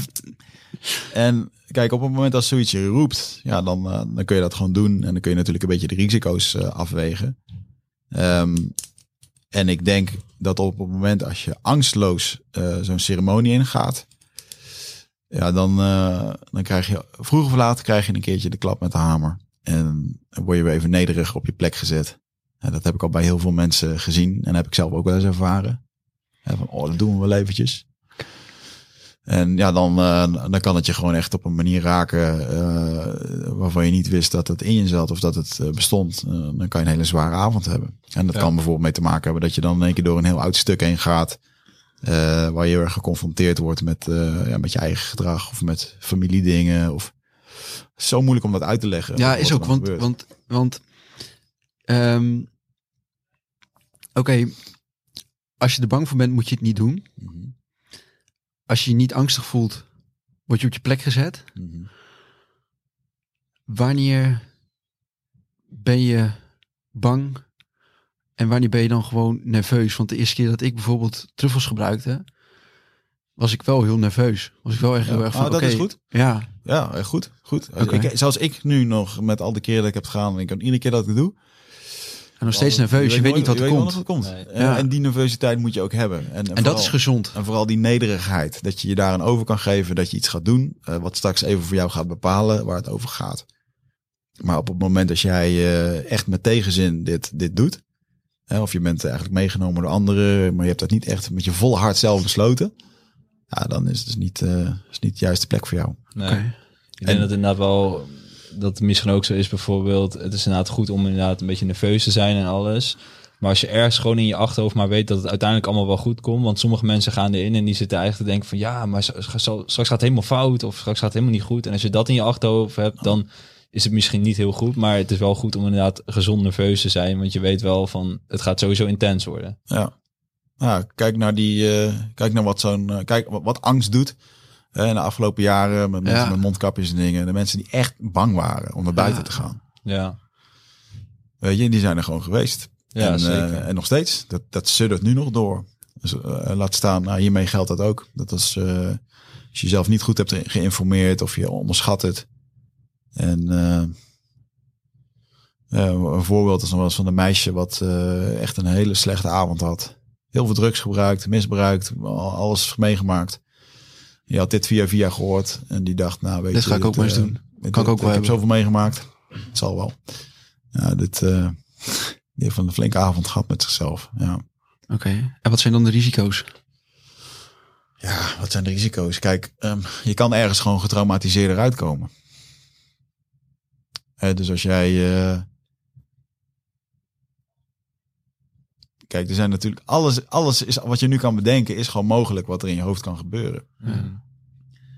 En ehm, om, een voor, om gewoon wat- wat gekke voorbeelden te geven van mensen die, eh, die ik heb gezien of mee heb gemaakt. Ik heb ooit een eh, mevrouw die was haar kindje verloren. En die wilde dat verwerken. En om het te moeten verwerken, heeft zij eh, in dat ayahuasca visioen drie keer de dood van haar eigen kind ehm, Herbeleefd. ja, herbeleefd, doorgemaakt. Vanuit haar perspectief, vanuit het kind. En om het helemaal te begrijpen. Dus de acht uur dat ze daarin zat, was het verschrikkelijk. Maar toen ze daarna eruit kwam, toen had ze iets van ja, nu, ik had het niet op een andere manier kunnen, kunnen begrijpen. En dan geeft het in één keer heling. Hè? Kijk, en, dan heeft zo'n helend proces kan heel moeilijk en heel pittig zijn. Ehm, en dan heeft het een mooie uitkomst. Ehm, maar kijk, op het moment als er kortsluiting komt in jouw brein en je komt in een psychose of je komt, eh, je weet niet meer wat je doet, of je gaat andere mensen. Ik heb het gelukkig nooit meegemaakt, maar er zijn wel genoeg verhalen over van mensen die, nou, ik noem eens wat, eh, waarom zijn paddenstoelen hier eh, verboden in, eh, in Nederland? Omdat er een Fransman uit een hotel sprong nadat hij een dag had gezopen, ecstasy had geslikt en, en toen s'avonds nog even dacht van nou, we gaan paddenstoelen eten. En die dacht vervolgens dat hij kon vliegen. Ja, het beton dacht er anders over. Mhm. En vervolgens wordt het verboden. Hè? Paddenstoelen zijn gevaar. Nee, Onverantwoord gebruik. onverantwoord gebruik. Dat, dat is het gevaar. Maar wat is dan hier nu in Nederland, wat is verantwoord gebruik? Want, nogmaals, in de jungle heb je een shamaan, veilige omgeving. Ik heb regelmatig zelf truffels gebruikt. Ja. Nooit een shamaan. Nee. Geen pauwenveren, geen Nee. ritueel. Maar wel inzichten. Maar hoe perk je nou hier in Nederland, gewoon bij jou in de woonkamer, de risico's in? Hoe ga je er hier in Nederland op een verantwoorde manier mee om? Ja, dat heeft voornamelijk- voornamelijk te maken met eh, eh, vanuit welke intentie dat je het doet. Dus echt gewoon set en setting, die twee woorden. Mm. Waarom doe jij dit? Ja. Hè, want ik heb het vroeger ook eens een keer gedaan met mijn vrienden. Gewoon om lekker naar, een avondje naar de kloten te gaan. Nou, wat krijg je dan? Een avondje naar de kloten. Ja, zwaar naar de. Ja. En dat was hartstikke leuk om planten begonnen allemaal vormen te krijgen. En, Ja. ja. grappig en leuk. En, en, eh, maar op het moment als ik nu vanavond eh, met jou bij mij thuis ga zitten. Eh, en jij wil eens een keertje aandacht richten op, eh, op de verstoorde relatie met je vader. eh, door middel van psychedelica. En dan ga je daar wat op krijgen, hoogstwaarschijnlijk. En kijk, dan moet je gewoon zorgen dat als je dat soort sessies gaat doen, dat je gewoon in een veilige omgeving zit waar jij je relaxed voelt. Waarbij de mensen zijn die jou kunnen helpen op het moment als dat. uiteindelijk moet je het zelf doen, maar die jou enigszins. die weten wat ze moeten doen op het moment als het bij jou zwaar wordt. En ja, dat is, dat is echt een vak apart. En ik vergelijk het altijd maar een beetje zo. Er zijn in Nederland en daarbuiten zijn er heel veel wiggerts. Types zoals ik, die een keertje naar de jungle zijn geweest. En, en die dachten van wauw, dit heeft me zoveel gegeven. Ik ga ook van die ceremonies doen. Maar moet je nou voorstellen dat dat stamhoofd uit de jungle, die komt naar Nederland. En die gaat twee weken stage lopen in het AMC. Bij een hersenchirurg. En ik denk daadwerkelijk, als, zoals ik het zie, in de jungle zijn geen doktoren. Hè. Zij zijn gewoon, zij zijn de doktoren van de jungle, die shamanen. Eh, letterlijk, ze opereren als het ware aan je ziel. En nou goed, als je mijn boek een beetje hebt gelezen, dan weet je waar ik het dan over heb. Of de mensen spreekt die dat soort ervaringen hebben gehad. En die man die loopt er twee weken mee. En die denkt, oh, dat is interessant. Oh ja, dat is interessant. Goed zegt dat allemaal kan. En die gaat vervolgens naar de jungle. Die neemt de scalpel mee.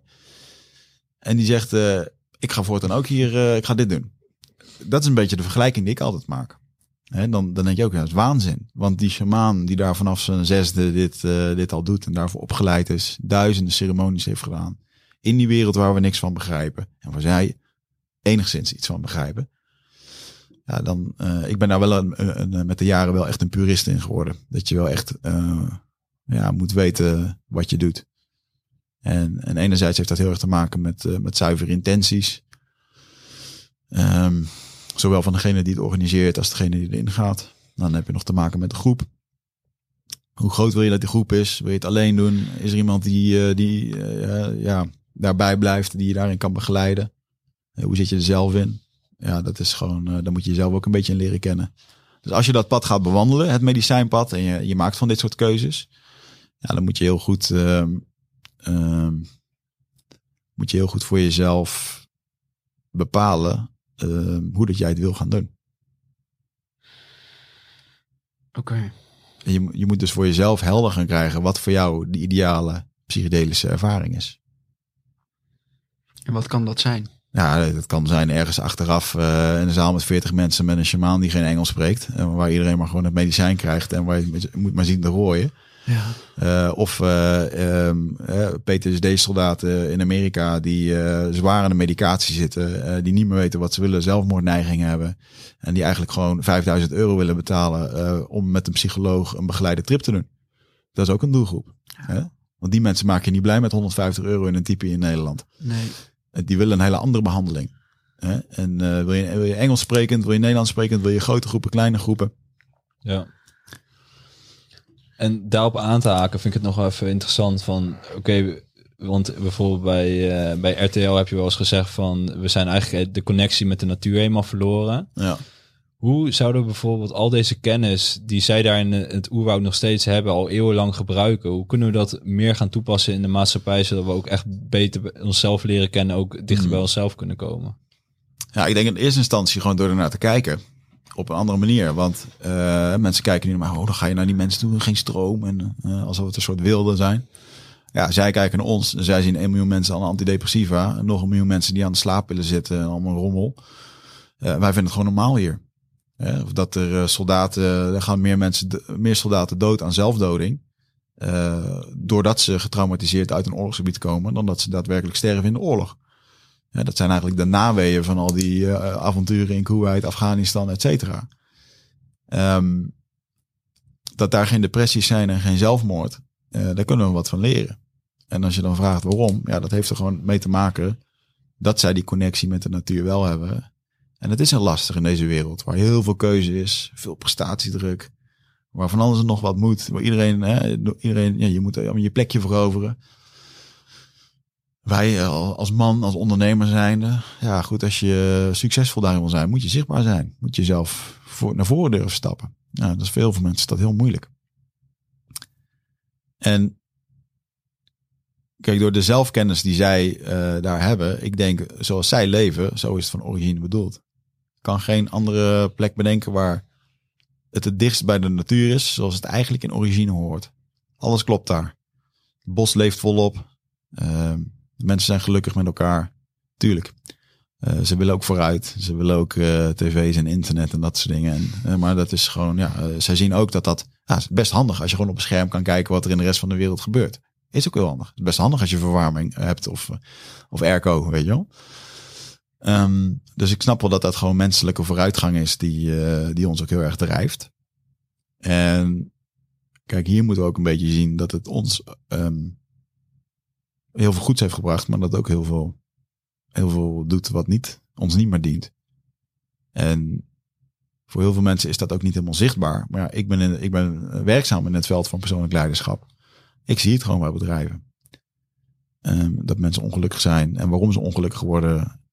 En waarom ze dingen doen die ze niet moeten doen. Eh, ze moeten een hele hoop van zichzelf, maar ze willen het eigenlijk niet. Dat is eigenlijk de crux. Mm. En wat is de oplossing voor dat soort mensen? Nou ja, het is heel simpel. Kijk, eh, ze moet, je moet gewoon doen wat je leuk vindt. Ja. Eh, ik zeg altijd expressie versus depressie. Eh, depressief heb je in verschillende vormen. Dat kan zijn, nou, ik heb geen zin om uit mijn bed te komen. Ja, f- vandaag geen zin om naar werk te komen. Het is een heel, heel laag niveau van, van de vorm depressie. Beetje somberheid. Nou, op een gegeven moment eh, krijg je geen energie. Op een gegeven moment ga je het voelen in je lichaam. Op een gegeven moment word je ziek. En op een gegeven moment eh, kan je alleen maar op de, met een dekentje op de bank liggen. En al die mensen die daarin zitten, die doen in essentie niet waar ze, eh, waar ze blij van worden. Mhm. Of die zijn ergens opgezet met hun werk wat totaal niet bij ze past. Of die doen dat omdat ze dit al jaren doen, maar al jarenlang eigenlijk voelen van ja, dit is niet wat ik wil. En een keer word je daar ziek van. Dus erachter komen eh, wie je bent, wat je wilt en hoe dat je dat gaat doen. En ja, dat is heel lastig. Zeker als je 45 bent of 50 en je komt dan in één keer in een soort burn-out situatie of ja, dat je gewoon voelt dat het anders moet. Je hebt heel die programmering van de afgelopen 50 jaar, die zit wel in je systeem. En probeer dat maar eens om te gooien. Ja, want kijk, weet je, het is wel zo als jij daar professionele hulp voor gaat zoeken. Mhm. Of je komt daar bijvoorbeeld, eh, bij instanties die daar momenteel voor zijn. Dan krijg je inderdaad antidepressiva voorgeschreven. Ja. Waarschijnlijk. Of je krijgt andere medicatie waar je waarschijnlijk niet snel meer van afkomt. Ja, ik heb, ik heb gisteren nog iemand op de, de lijn, een eh, bekende Nederlander. eh, die jarenlang in verslavingskliniek heeft gezeten en gedaan. En eh, waar ik een beetje mee aan het sparren was over eh, wat kan je dan doen. En dat ik ook zei van ja, maar misschien heb je wel natuurlijk in, vaak in die klinieken heb je het al vaak gehad over vroeger en zo. En toen zei hij ja, gek genoeg, eigenlijk helemaal niet. Want daar zorgen ze alleen maar, eh, hoe kan ik nou zorgen dat je niet opnieuw in die verslaving komt? Niet meer met die types omgaan, niet meer na 11 uur op die feestjes blijven. Ze zorgen eigenlijk dat er een soort nieuwe omgeving gecreëerd moet worden waarin het niet meer voorkomt. Maar de kern is, waarom ben je verslaafd? Ja, omdat mijn moeder er niet was. Of omdat mijn moeder verslaafd was. Ik heb niet, ik heb niet anders gezien. In die fucking 12 jaar, in al die klinieken, is daar geen aandacht aan gegeven. Nee, daar kijken ze niet. Dus er is echt gewoon iets krom met het systeem. Ja. En, en dat zie je natuurlijk ook gewoon in de hele farmaceutische eh, industrie. Hè, dat bijvoorbeeld claims op voedingsproducten mag je niet maken. Want eh, je mag niet zeggen dat er in een walnoot, eh, weet ik veel wat, magnesium zit. Of dat het goed is voor je hersenen. Want het is niet wetenschappelijk onderzocht. Nee, snap ik. Het is een natuurproduct. Kunnen ze ook geen geld aan verdienen. Nee. Mag niet gepatenteerd worden. Maar wat ze wel kunnen doen is een soort wet optuigen. Die zegt eh, dat je wel een pilletje van hun mag nemen. Want dat is wetenschappelijk onderzocht. En er is heel veel geld in gepompt. En daarom is het wetenschappelijk onderzocht. Ehm, maar eh, een flesje walnotenextract. Ik, ik zou nu maar even wat uit mijn duim. Maar een flesje walnotenextract. eh, wat goed zou zijn voor je brein. eh, die claim mag je niet op dat flesje zetten. Want dan ben je strafbaar. Ja. Weet je, en dat is gewoon onze wereld. Ja. En, en dat is wel echt een realisatie die ik afgelopen jaar heb gehad. Ik ben, ik ben opnieuw teruggegaan naar de jungle afgelopen jaar. Het eerste boek ging natuurlijk heel erg over mijzelf. Maar dit boek gaat, het nieuwe boek wat ik nu aan het schrijven ben, gaat heel erg over ja, eigenlijk het systeem, de Ja. wereld. En alles wat je gewoon ziet, is gewoon fake. Alles wat je ziet, is gewoon fake. Wat je ziet op podcast, op inf- bij influencers, bij dingen. Of nou, eh, we hadden het net al over een of andere eh, eh, iemand die is een influencer die eh, 100 miljoen met een bedrijf doet en allemaal vertelt met, over supplementen en hoe schoon dat hij is. En dan komt nu naar buiten dat hij gewoon zwaar aan de shit zit. Maar ja, jonge jochies van 16 zitten dat te kijken en die zitten alleen maar te, te swipen. En je neemt dat gewoon aan voor waar. Ja. Snap je? En, en ik, ik las vroeger ook de, de hitkrant. Bestaat dat nog of niet? Nee, ik denk niet meer. weer nou, generatie. Ja, weer. weer. Ja, vroeger, vroeger bij de eh, Albert Heijn nou kon je nog van die boekjes kopen die wekelijks Ja. uitkwam voor jongeren. En dan stond er dan zo'n eh, eh, een trainingsprogramma in. Of van, de- nou, wat, van de mensheld. Strakke apps met deze oefeningen. Denk je nou echt dat als je die, Ja. die, die oefeningen gaat doen, dat je dan... Kwartiertje per dag. Dat is het gewoon niet. Nee. Weet je wel? En ehm, ik zat gisteren nog met een jongen die heeft in de Dragon's Den gezeten. En wat hij daar vertelde, is hij gewoon een hele dag daar bezig geweest met allemaal onderhandelingen en dingen. Eh, maar als je hem opzoekt, eh, dan, eh, dan zie je een, een clipje van drie minuten. En het is niet echt. Sterker nog, wat daar gebeurt geeft een hele andere eh, ehm, ehm, waarneming dan, dan, dat je, dan dat het daadwerkelijk is gebeurd. En ja, dat heeft allemaal weer te maken met één ding. En dat is ook weer intentie. Dus wat is de intentie van zo'n Dragon's Den? Hè, eh, als voorbeeld. Gewoon een mooi programma maken. Ja, sensatie. Mm. Sensatie. Je moet scoren op televisie. Ehm, natuurlijk zouden ze het mooi vinden als ze ook nog geld erop kunnen eh, leveren. Maar goed, uiteindelijk... Die Dragon's Den is gewoon het programma. Wat er daarna gebeurt met die ondernemingen en die Ja, investeringen boeien. erin komt. Dat, dat, dat wordt helemaal niet meer gevolgd. Eh, de meeste van die ondernemingen die halen het overigens ook niet. En of de, de, de intentie, als je vanochtend een, eh, een artikel hebt gelezen op nu.nl of op een andere krant. Wat wilde die journalist nou eigenlijk doen? Wilde die jou een bepaald idee geven? Bijvoorbeeld nu over de oorlog in Oekraïne? Of wilde die jou iets, wilde die misschien zijn irritatie over een bepaald persoon uiten? Het is heel makkelijk om nu een, een, een artikel te schrijven over Poetin, hoe slecht dat hij is. Kun je vanuit heel veel perspectieven doen. Mm. En zo gebeurt dat natuurlijk in Rusland ook. Dus, nou, wat is dan de intentie van zo'n artikel? En wat is nou eigenlijk de waarheid? Weet je wel, er zijn zoveel verschillende waarheden en dingen. En, en als je daar, je moet met alles gewoon met een bepaalde sceptici, moet je er naar, eh, moet je er naar kijken. Ja. En het belangrijkste is natuurlijk om je eigen waarheid te vormen. En je moet ook beseffen dat je niet alles kan weten. Dus je kan ook proberen alles uit te pluizen en te doorgronden. En, en dan krijg je een soort, eh, dan kan je helemaal in, in, in wat, samenzweringstheorie en dat soort dingen kan je gaan hangen. En, en dan wordt dat echt helemaal jouw waarheid. Terwijl ook al heb je het nog zo goed uitgeplozen. You don't know man. You don't know. En dan is het heel erg belangrijk, oké, al die informatie die je tot je neemt en alles wat je ziet, het is super toxisch. En dat haalt je eigenlijk heel erg weg van je eigen waarheid. En, en om dicht eh, bij je eigen waarheid eh, te blijven, zo legt het medicijn maar dat uit, eh, moet je eigenlijk het pad van eenheid bewandelen. En dat pad van eenheid, eh, dat zijn dan de hoofdstukken die ik dan in het boek schrijf. Maar een hele simpele is bijvoorbeeld eh, vreugde. Er dus heel veel mensen die doen, die doen op hun werk niet wat ze leuk vinden. Ze missen eigenlijk gewoon vreugde, joy. En als je dat dus wegneemt, dat is een super belangrijk component. Dan worden mensen dus heel erg ongelukkig. Gaan ze weg bij zichzelf. Gaan ze dingen doen voor anderen. Gaan ze weg bij hun eigen waarheid. Gewoon zo'n zo'n simpel ding. Of gewoon het samen zijn van zo'n stam. Dat je ergens bij hoort.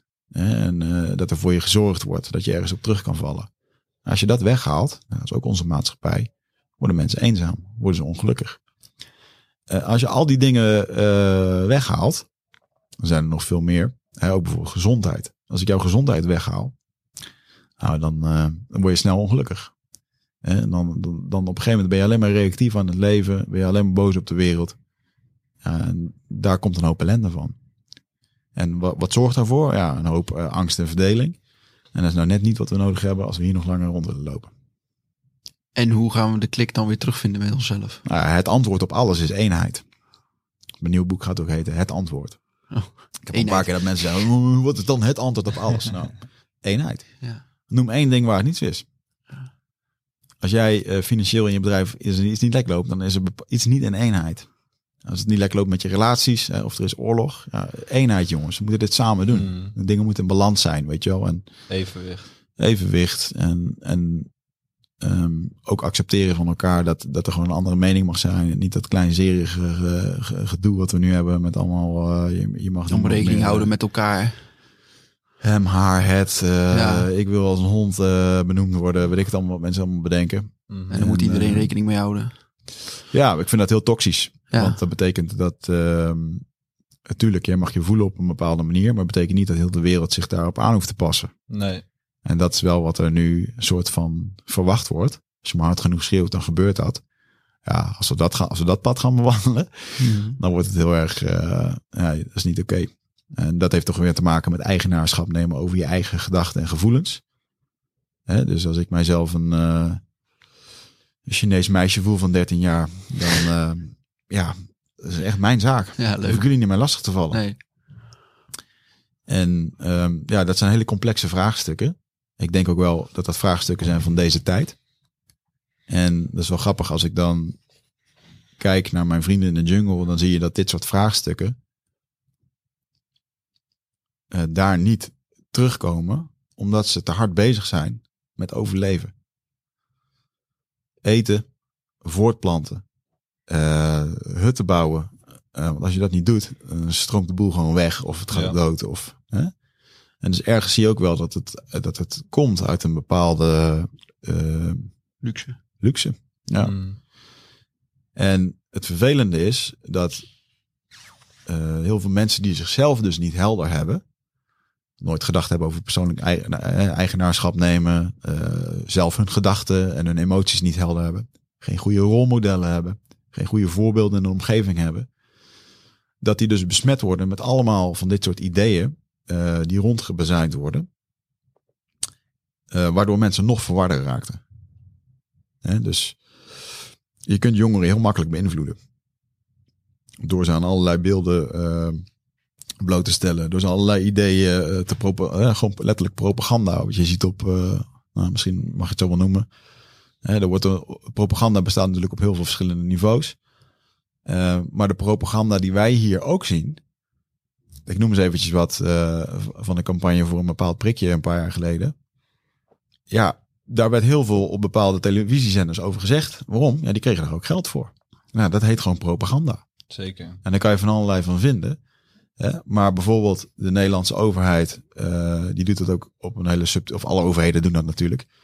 Een bepaalde campagne starten, het zij over duurzame energie of andere dingen. Om mensen het idee te geven eh, dat ze het juiste doen met hun geld. Maar ze proberen hem eigenlijk te overtuigen van, oh, nee, maar onze overheid, nee, die doet het echt heel goed. En dan krijgt een hele campagne over groene stroom en dit en dat.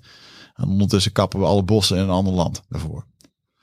Dus het is helemaal geen goede stroom. Nee, je probeert mij gewoon te overtuigen dat jullie iets goeds doen. Maar eh, als je er echt naar kijkt, hè, weer komt hij weer dat stukje. Wat is nou de intentie van die campagne? Nou, is eigenlijk om te laten zien eh, dat jij je niet druk hoeft te maken over onze overheid. Oh, dat is interessant. Maar als we iets verder kijken, zou je het eigenlijk wel moeten doen. En dan zie je eigenlijk dat alles, ja, de matrix wordt het ook wel eens genoemd. Dat is een beetje de matrix waar we in leven. En dus alles wat jou voor wordt geschoteld, ja, daar kan je echt vragen bij stellen. Mm. Dus een goede vraag om te stellen is bij alles, wat is de intentie hierachter? Ja, bij elk ding. Maar als je Ja. een, eh, een, een, een krantenbericht eh, ziet. Al- eh, ik had laatst van de week weer iemand die me dan eh, na lange tijd... Hey Wigert, hoe is het? Lang niet gesproken. En eh, hey, hoe gaat het? En eigenlijk vroeg hij niks in die mail. Maar ja, ik voelde eigenlijk... Oké, Kom nog wat. hier- er gaat nog wat komen, weet je wel? En ja, dat, dat, op een gegeven moment ontwikkel je daar natuurlijk ook een beetje een, een soort Volspriet. voelspriet voor. Zeker als je daar een paar keer bent ingetuind. Ja. En ja, dat is wel heel interessant. Dus ja, wat is de intentie? En ook voor mezelf, hè. Ehm, ik heb bijvoorbeeld... eh, ik had dit jaar had ik een eh, upsell gedaan naar een retreat. Ik geef nu dat retreat Rite of Passage. Daar had ik een upsell gedaan. Van jongens, we gaan iets vets doen. Deel 2 komt eraan. Ehm, en dan had ik voor eh, 16.000 euro omzet aan, kaarten al in. En eh gaandeweg kwam ik er gewoon achter. Ook doordat ik weer naar de jungle was geweest. Van ja, eigenlijk wat je, wat je daar... Je hebt gewoon iets bedacht om weer, om weer geld te verdienen. Je dacht, hey, die upsell, dat is handig. Dan gaan mensen dat kopen. Nu gaan we dat doen. En ja, dat is ook een legitieme reden. Ehm, maar ik wist van mezelf dat dat de verkeerde intentie was. Dus ik heb iedereen gewoon gemaild van jongens, ik heb dat toen bedacht. Ik ben erachter gekomen, eh, het was niet met de juiste intentie. Er komt iets nieuws, maar dit ding gaat niet door. Mm. En, eh, en dat is, ja. Vroeger had ik dat dan heel moeilijk gevonden. Mensen hadden betaald en ook verantwoording. Maar nu kan ik gewoon zeggen, oké, fuck it, doen we het gewoon niet. Ja. En, en ja, als iedereen zo hè, dus gaat leven naar je eigen waarheid, dan krijg je, dan maken mensen de juiste morele en ethische beslissingen. Zeker. Wederom weer iets wat, eh, wat het medicijn jou geleerd heeft. Ja. Dus mensen kunnen wel zeggen van, ja, maar je doet het zo vaak en wat brengt het dan? Nou ja, dit soort dingen dus. Gewoon helder en normaal denken. En dan kan je zeggen, van, ja, maar dan kan je zelf er ook. Nou ja, als je dus zelf in het potje zit, kan je niet op het etiket kijken. En we zitten allemaal in ons eigen potje. En dit helpt mij er heel erg om daar dus buiten te kijken en een andere beslissing te maken. Ja. Kijk, en, en, en een ander ding is dat ik, oké, met het geld eh, wat ik dan verdien met het ondernemen, of het netwerk dat ik heb opgebouwd, ja, daar koop ik nu een regenwoud voor van 70 hectare, geef ik terug aan de Indianen. Ja, eh, wat heb jij eh, gedaan dit jaar voor, voor iemand anders op die manier, weet je wel? En dat, dat was niet gebeurd als ik niet die connectie had met dat medicijn. Ehm, als ik niet ook gewoon in dat medicijn dat had gevoeld en had gezien dat dit de juiste bedoel, bedoeling was. Dus al die grote beslissingen, die maak ik wel daarmee. En ja, Ja. dat is gewoon mijn manier van leven. En eh, ja, Mhm. Ja, we hebben nu, we zijn eigenlijk heel erg alle uithoeken ingedoken. Maar wat doe jij, want nu ben je vooral bezig met die retraites. En ja, hoe, hoe ziet jouw leven er op dit moment eigenlijk uit? Want je bent dan net weer terug geweest naar die jungle, je doet Ja. dan die retraites. Wat is nu de main focus? ja, de retreats, Rite of Passage, is een eh, retreat met een onbekend programma. Waar de, ja, waar de inhoud is gewoon eh, geheim. En de belofte is dat het oncomfortabel wordt. Ik blijf er altijd op lachen. Daar betalen mensen voor. En daar betalen mensen voor. Ja, sterker nog, het is eh, mijn best, eh, mijn best lopende eh, product. Ja. Maar niet, zo, niet zozeer vanwege dat stukje marketing, maar meer van de resultaten die eruit komen. Kijk, als ik jou gewoon drie dagen lang echt eventjes mee kan nemen in mijn wereld en we kunnen daar alle laagjes afschrapen, dan, ja, dan begrijp je het. En daarom scoort het ook goed. Het scoort een 9,2 gemiddelde. Eh, en het is iedere keer maanden van tevoren uitverkocht, dus daar ben ik super trots op. Ehm, ja, en dat is gewoon iets wat ik nu eh, vier keer per jaar wil doen. En vanuit daar, de mensen die dat hebben gedaan, die hebben ook aan mij laten zien van nou, oké, ehm, je, bent niet gelijk naar plantmedicijnen gedoken. Of, want eigenlijk is dit retreat wat ik doe, is mijn tegenantwoord op het feit dat je geen eh ayahuasca retreats in Nederland mag doen. Vroeger had ik die ambitie wel. Ehm, maar dat is natuurlijk gewoon helemaal niet handig om daar een businessmodel te maken. Plus ik had ook helemaal niet de kunde ervoor. Dus toen heb ik iets bedacht van ja, hoe kan ik mensen nou die ervaring geven zonder ze daaraan bloot te stellen. Eh, nou, daar heb je nog een hele hoop andere dingen voor, want wereldwijd hebben hier meerdere mensen over nagedacht over hoe je dat soort dingen kan doen. Ehm, dus ja, eh, geef mij drie dagen met die mensen en eh, hun leven zal nooit meer het- hetzelfde zijn. En ik zou heel graag verder willen werken met die mensen. Dus dat is eventjes de, de focus voor mij voor, voor komend jaar. En dat komt ook een beetje voort uit minder doen. Ehm, ja, gewoon minder doen. Ondernemen vanuit souplesse. Ja, maar ook vanuit een bepaalde. eh, ook vanuit een bepaalde simpelheid. Gewoon één, één product wat, wat echt heel erg bij je past. En daar echt op focussen. Dat laat groeien, dat beter maken. En op een gegeven moment eh, ga je gewoon kijken of dat je dat kan schalen, ja of nee. En dan kan je het zelf zo groot of zo klein maken als je wil. Eh, misschien moet je de prijzen mogen doen, misschien moet je er meer van doen. Dan kan je het helemaal inrichten zoals je dat zelf wil. Dus ik ben eh, qua ondernemer ben ik, ik heb best wel veel vrije tijd. Ben best wel veel, ben graag alleen. Ben graag alleen hier in de studio. Lekker een beetje werken, lekker een beetje schrijven, een beetje doen. Ehm, want feitelijk met mijn retreats, ja, werk ik met vier retreats, werk ik eh 16 dagen per, zeg het 12, 12 dagen, 12 werkdagen per jaar. Netjes. Mhm. En, eh, en natuurlijk eh, heb ik het ook druk en zijn er ook opnames en zijn er andere dingen. Eh, maar feitelijk, eh, als ik gewoon die retreats doe, en dan, dan hoef ik eigenlijk nergens druk over te maken.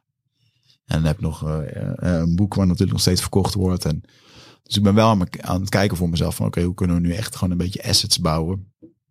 ehm, waar ik echt op kan sturen. In plaats van dan een retreat en dan maar weer die cursus en dan weer dit. Ja, dus ja. voor mij is het nu belangrijk om eh, dit jaar iemand erbij te gaan nemen die eh, operationeel voor mij een hoop kan doen. Ehm, en dat ik echt een beetje als eh, ja, de artiest binnen kan komen en me niet meer druk hoef te maken over die randzaken.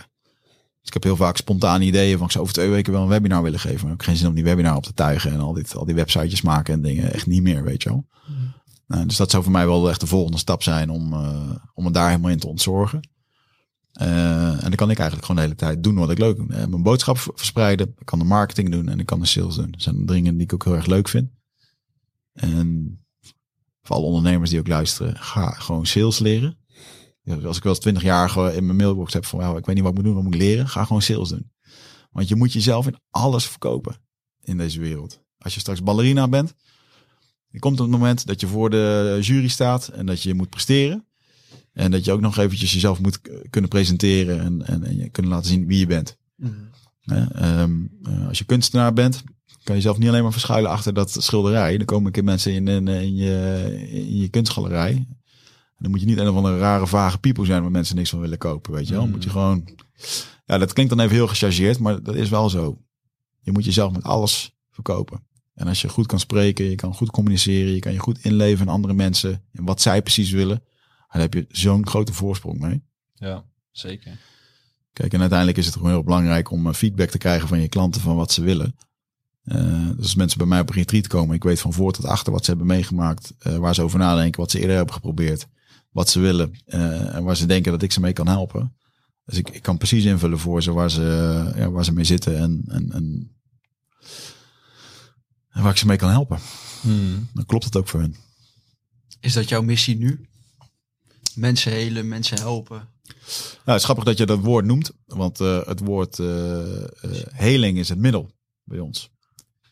Ehm, en daar zit ook een van de kernwaarden in het bedrijf. Dat alles wat wij doen, alles wat wij produceren, eruit sturen of maken, moet op een bepaalde manier heling brengen. Dus als ik een, een online programma maak, dan moet dat mensen op een bepaalde manier helen. Als ik een retreat geef, ja, mensen moeten daar geheeld worden. Als ik een e-mail stuur, mijn wekelijkse e-mail, eh, moet een element van heling in zitten. Of waar ze misschien wat kunnen kopen om zichzelf te helen. Of waar ik wat vertel over mijn eigen proces. Want als je vertelt over je eigen proces, dan denken zij ook van, ah, misschien geldt dat ook wel weer voor mij. Dus dat zijn belangrijke dingen om eh, ja, dat te doen. Dus ja, eh, heling is het antwoord op al die ellende. En ben je een keertje uitgeheeld met jezelf? Nou, eigenlijk niet. hè. Dat zijn ook de laatste woorden van mijn boek. De heling eindigt nooit. Maar ik geloof wel dat je op een bepaald moment genoeg hebt gekeken naar een bepaald stuk. eh, om, om daar je conclusies in te trekken, een keuze in te maken en naar de volgende stap te gaan. En, en, en ja, ga je do- door naar het volgende stuk. Hmm. Zeker. En nu? Weer het over tien jaar. Weer het over tien jaar. Mm. Hoe oud ben ik dan? Ben ik 50. 49. nou, ik denk dat ik eh, meerdere boeken schrijf. Ehm, ik eh, doe ik meer internationaal. Ik denk dat ik dan eh, een stuk of tien keer per jaar eh, wel in het buitenland eh, spreek. Ik heb wel echt een visie over. eh, kijk, mijn plantmedicijn in Nederland is natuurlijk een klein wereldje. Internationaal is het echt. Wordt een gigamarkt. Mede door de therapeutische komst van psilocybine en therapie en dat soort dingen. Ja, dan verwacht ik wel dat ik met mijn verhaal eh, meerdere keren op congressen kan spreken daar. En uiteindelijk het spreken vind ik nog steeds heel tof. Eh, ik denk dat ik nog steeds evenementen doe eh, waarbij ik zelf op het podium sta om gewoon de, iedere keer de verhalen te delen van, het, van de jungle. Dat is gewoon mijn main mission. En ehm, ja, tegen die tijd eh, wonen we wel een mooie plek. Wonen nu al een mooie plek in de natuur, maar dan hebben we waarschijnlijk wel een eigen plek in de natuur met een eigen tipi waar ik lekker mijn dingen kan doen. En eh, dat vind ik ook leuk hè, om te doen. Gewoon eh, dat, dat helende werk te doen. Dan moet je niet voor het geld doen. Dat is gewoon dat is iets wat ik gewoon graag doe en waar ik heel veel plezier uit haal. Maar dat mag nooit echt een business worden of zo. Dat voelt niet goed. Het feit dat jij de mensen hield is eigenlijk de beloning aan zich. Ja, en ook eh, het vertrouwen dat ze mij daarin geven. En, eh, en zeker ook met plantmedicijnen en zo. Ik, bedoel, eh, ik geef regelmatig van die rapé-ceremonies. waar je dat as in je neus geblazen krijgt. En Dat is eigenlijk het tweede medicijn van de jungle. Nou, daar doe ik wel veel. Het ergste wat daar kan gebeuren is dat iemand gewoon een keer drie uur lang heel ziek wordt. en moet overgeven. En, en dat mag ook gewoon in Nederland. Maar ja, de heling die mensen daar ontvangen. En wat ze daar meemaken. Ja, dat is gewoon magisch. Dus Ehm, ja, ik, ik geloof wel dat ik daar, dat ik daar meer mee wil doen.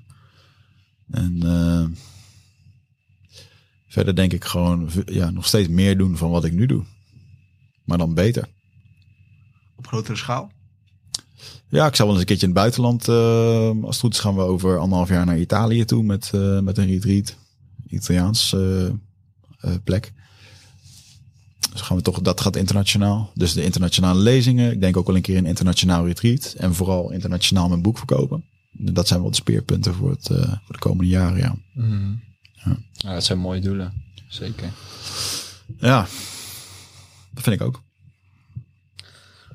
Ik denk dat we een beetje naar de afsluiting gaan, gaan werken. Eh, we stellen eigenlijk altijd nog één vraag op het einde. Die, eh, als er één les is, eh, de meest waardevolle les die jij aan de luisteraars mee zou kunnen geven. Welke les zou dat dan zijn? Eén les. Mogen er ook twee zijn, wil je zo streng zijn?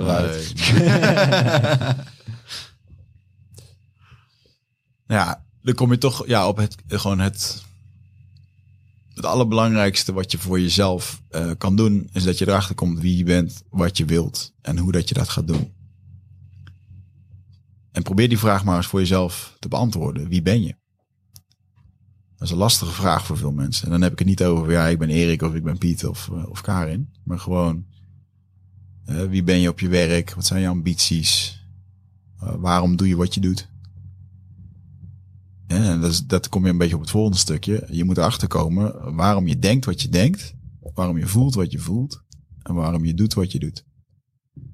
Want wat jij doet, dat heeft ermee te maken hoe dat jij je voelt. Want hoe dat jij je voelt, dat zorgt ervoor dat jij bepaalde bewegingen gaat maken. Ja, ik voel me goed, ga lekker aan mijn bedrijf werken, bla bla bla. Ik voel me niet goed, ik ga op de bank zitten Netflix kijken. Maar hoe dat jij je voelt, heeft weer te maken met hoe dat je denkt. En dat denken, om dat bij jezelf te analyseren en dat te doorgronden, daarvoor moet je heel veel tijd met jezelf spenderen. En eh, moet je jezelf tegenkomen in dit soort situaties en een heldere spiegel krijgen van anderen. En dus dan kom je toch weer op dat stukje zelfexploratie. En, en ja, dat de ware essentie van leiderschap is zelfkennis. Dus waarom reageer je op deze manier? Uh, waarom ben je zo getriggerd? Waarom ben je daar zo geïrriteerd over? Waarom ben je zo boos? Uh, waarom ga je hier wel op aan en daar niet op aan?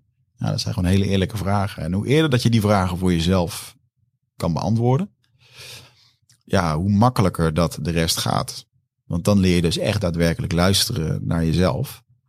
En ik denk dat er ook heel veel mensen luisteren naar zichzelf, maar nog steeds met een hele uh, oude, uh, verkeerde programmering rondlopen. Dus ze willen eigenlijk hele andere dingen doen, maar ze zijn gewoon zo geprogrammeerd dat ze het maar gewoon doen. Letterlijk gebrainwashed door een opvoeding of door alle omgevingsfactoren, et cetera. Maar op het moment dat je daar dus in één keer uh, van midden in dat potje een stap te buiten kan maken en kan zeggen van ja, dit wil ik niet meer. Dit moet ik echt anders gaan doen. Voor mijn gezondheid, voor mijn liefde, uh, voor de liefdesrelatie die je hebt, voor je gezin. Ja, dat is het moment dat je uh, de beslissing kan maken. Van, ja, nu ga ik het anders doen. En die beslissing maken, dat is één ding. Om het dan vervolgens nog te gaan doen, natuurlijk een ander ding. Maar het begint bij die ene, het begint bij die bewustwording. Van hé, hey, wat hier nu gebeurt, dat moet anders. En daar de beslissing op maken. Mooi gezegd. Dus, in één zin samengevat.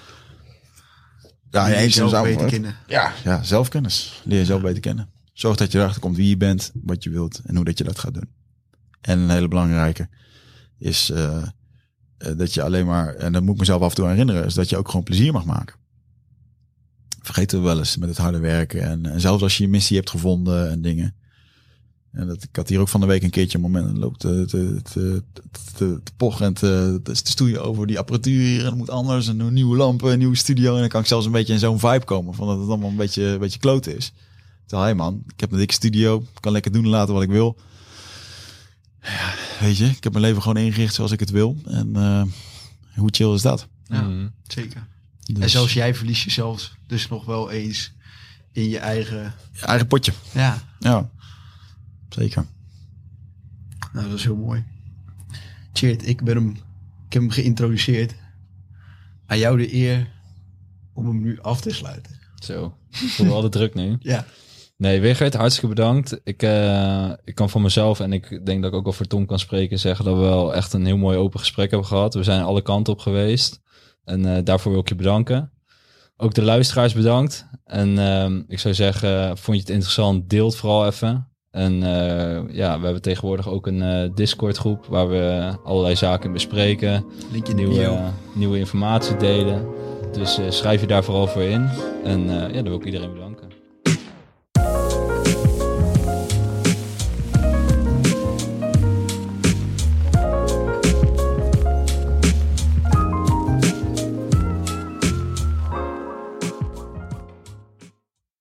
Welkom bij Ondernemend, het nummer 1 platform voor ondernemers.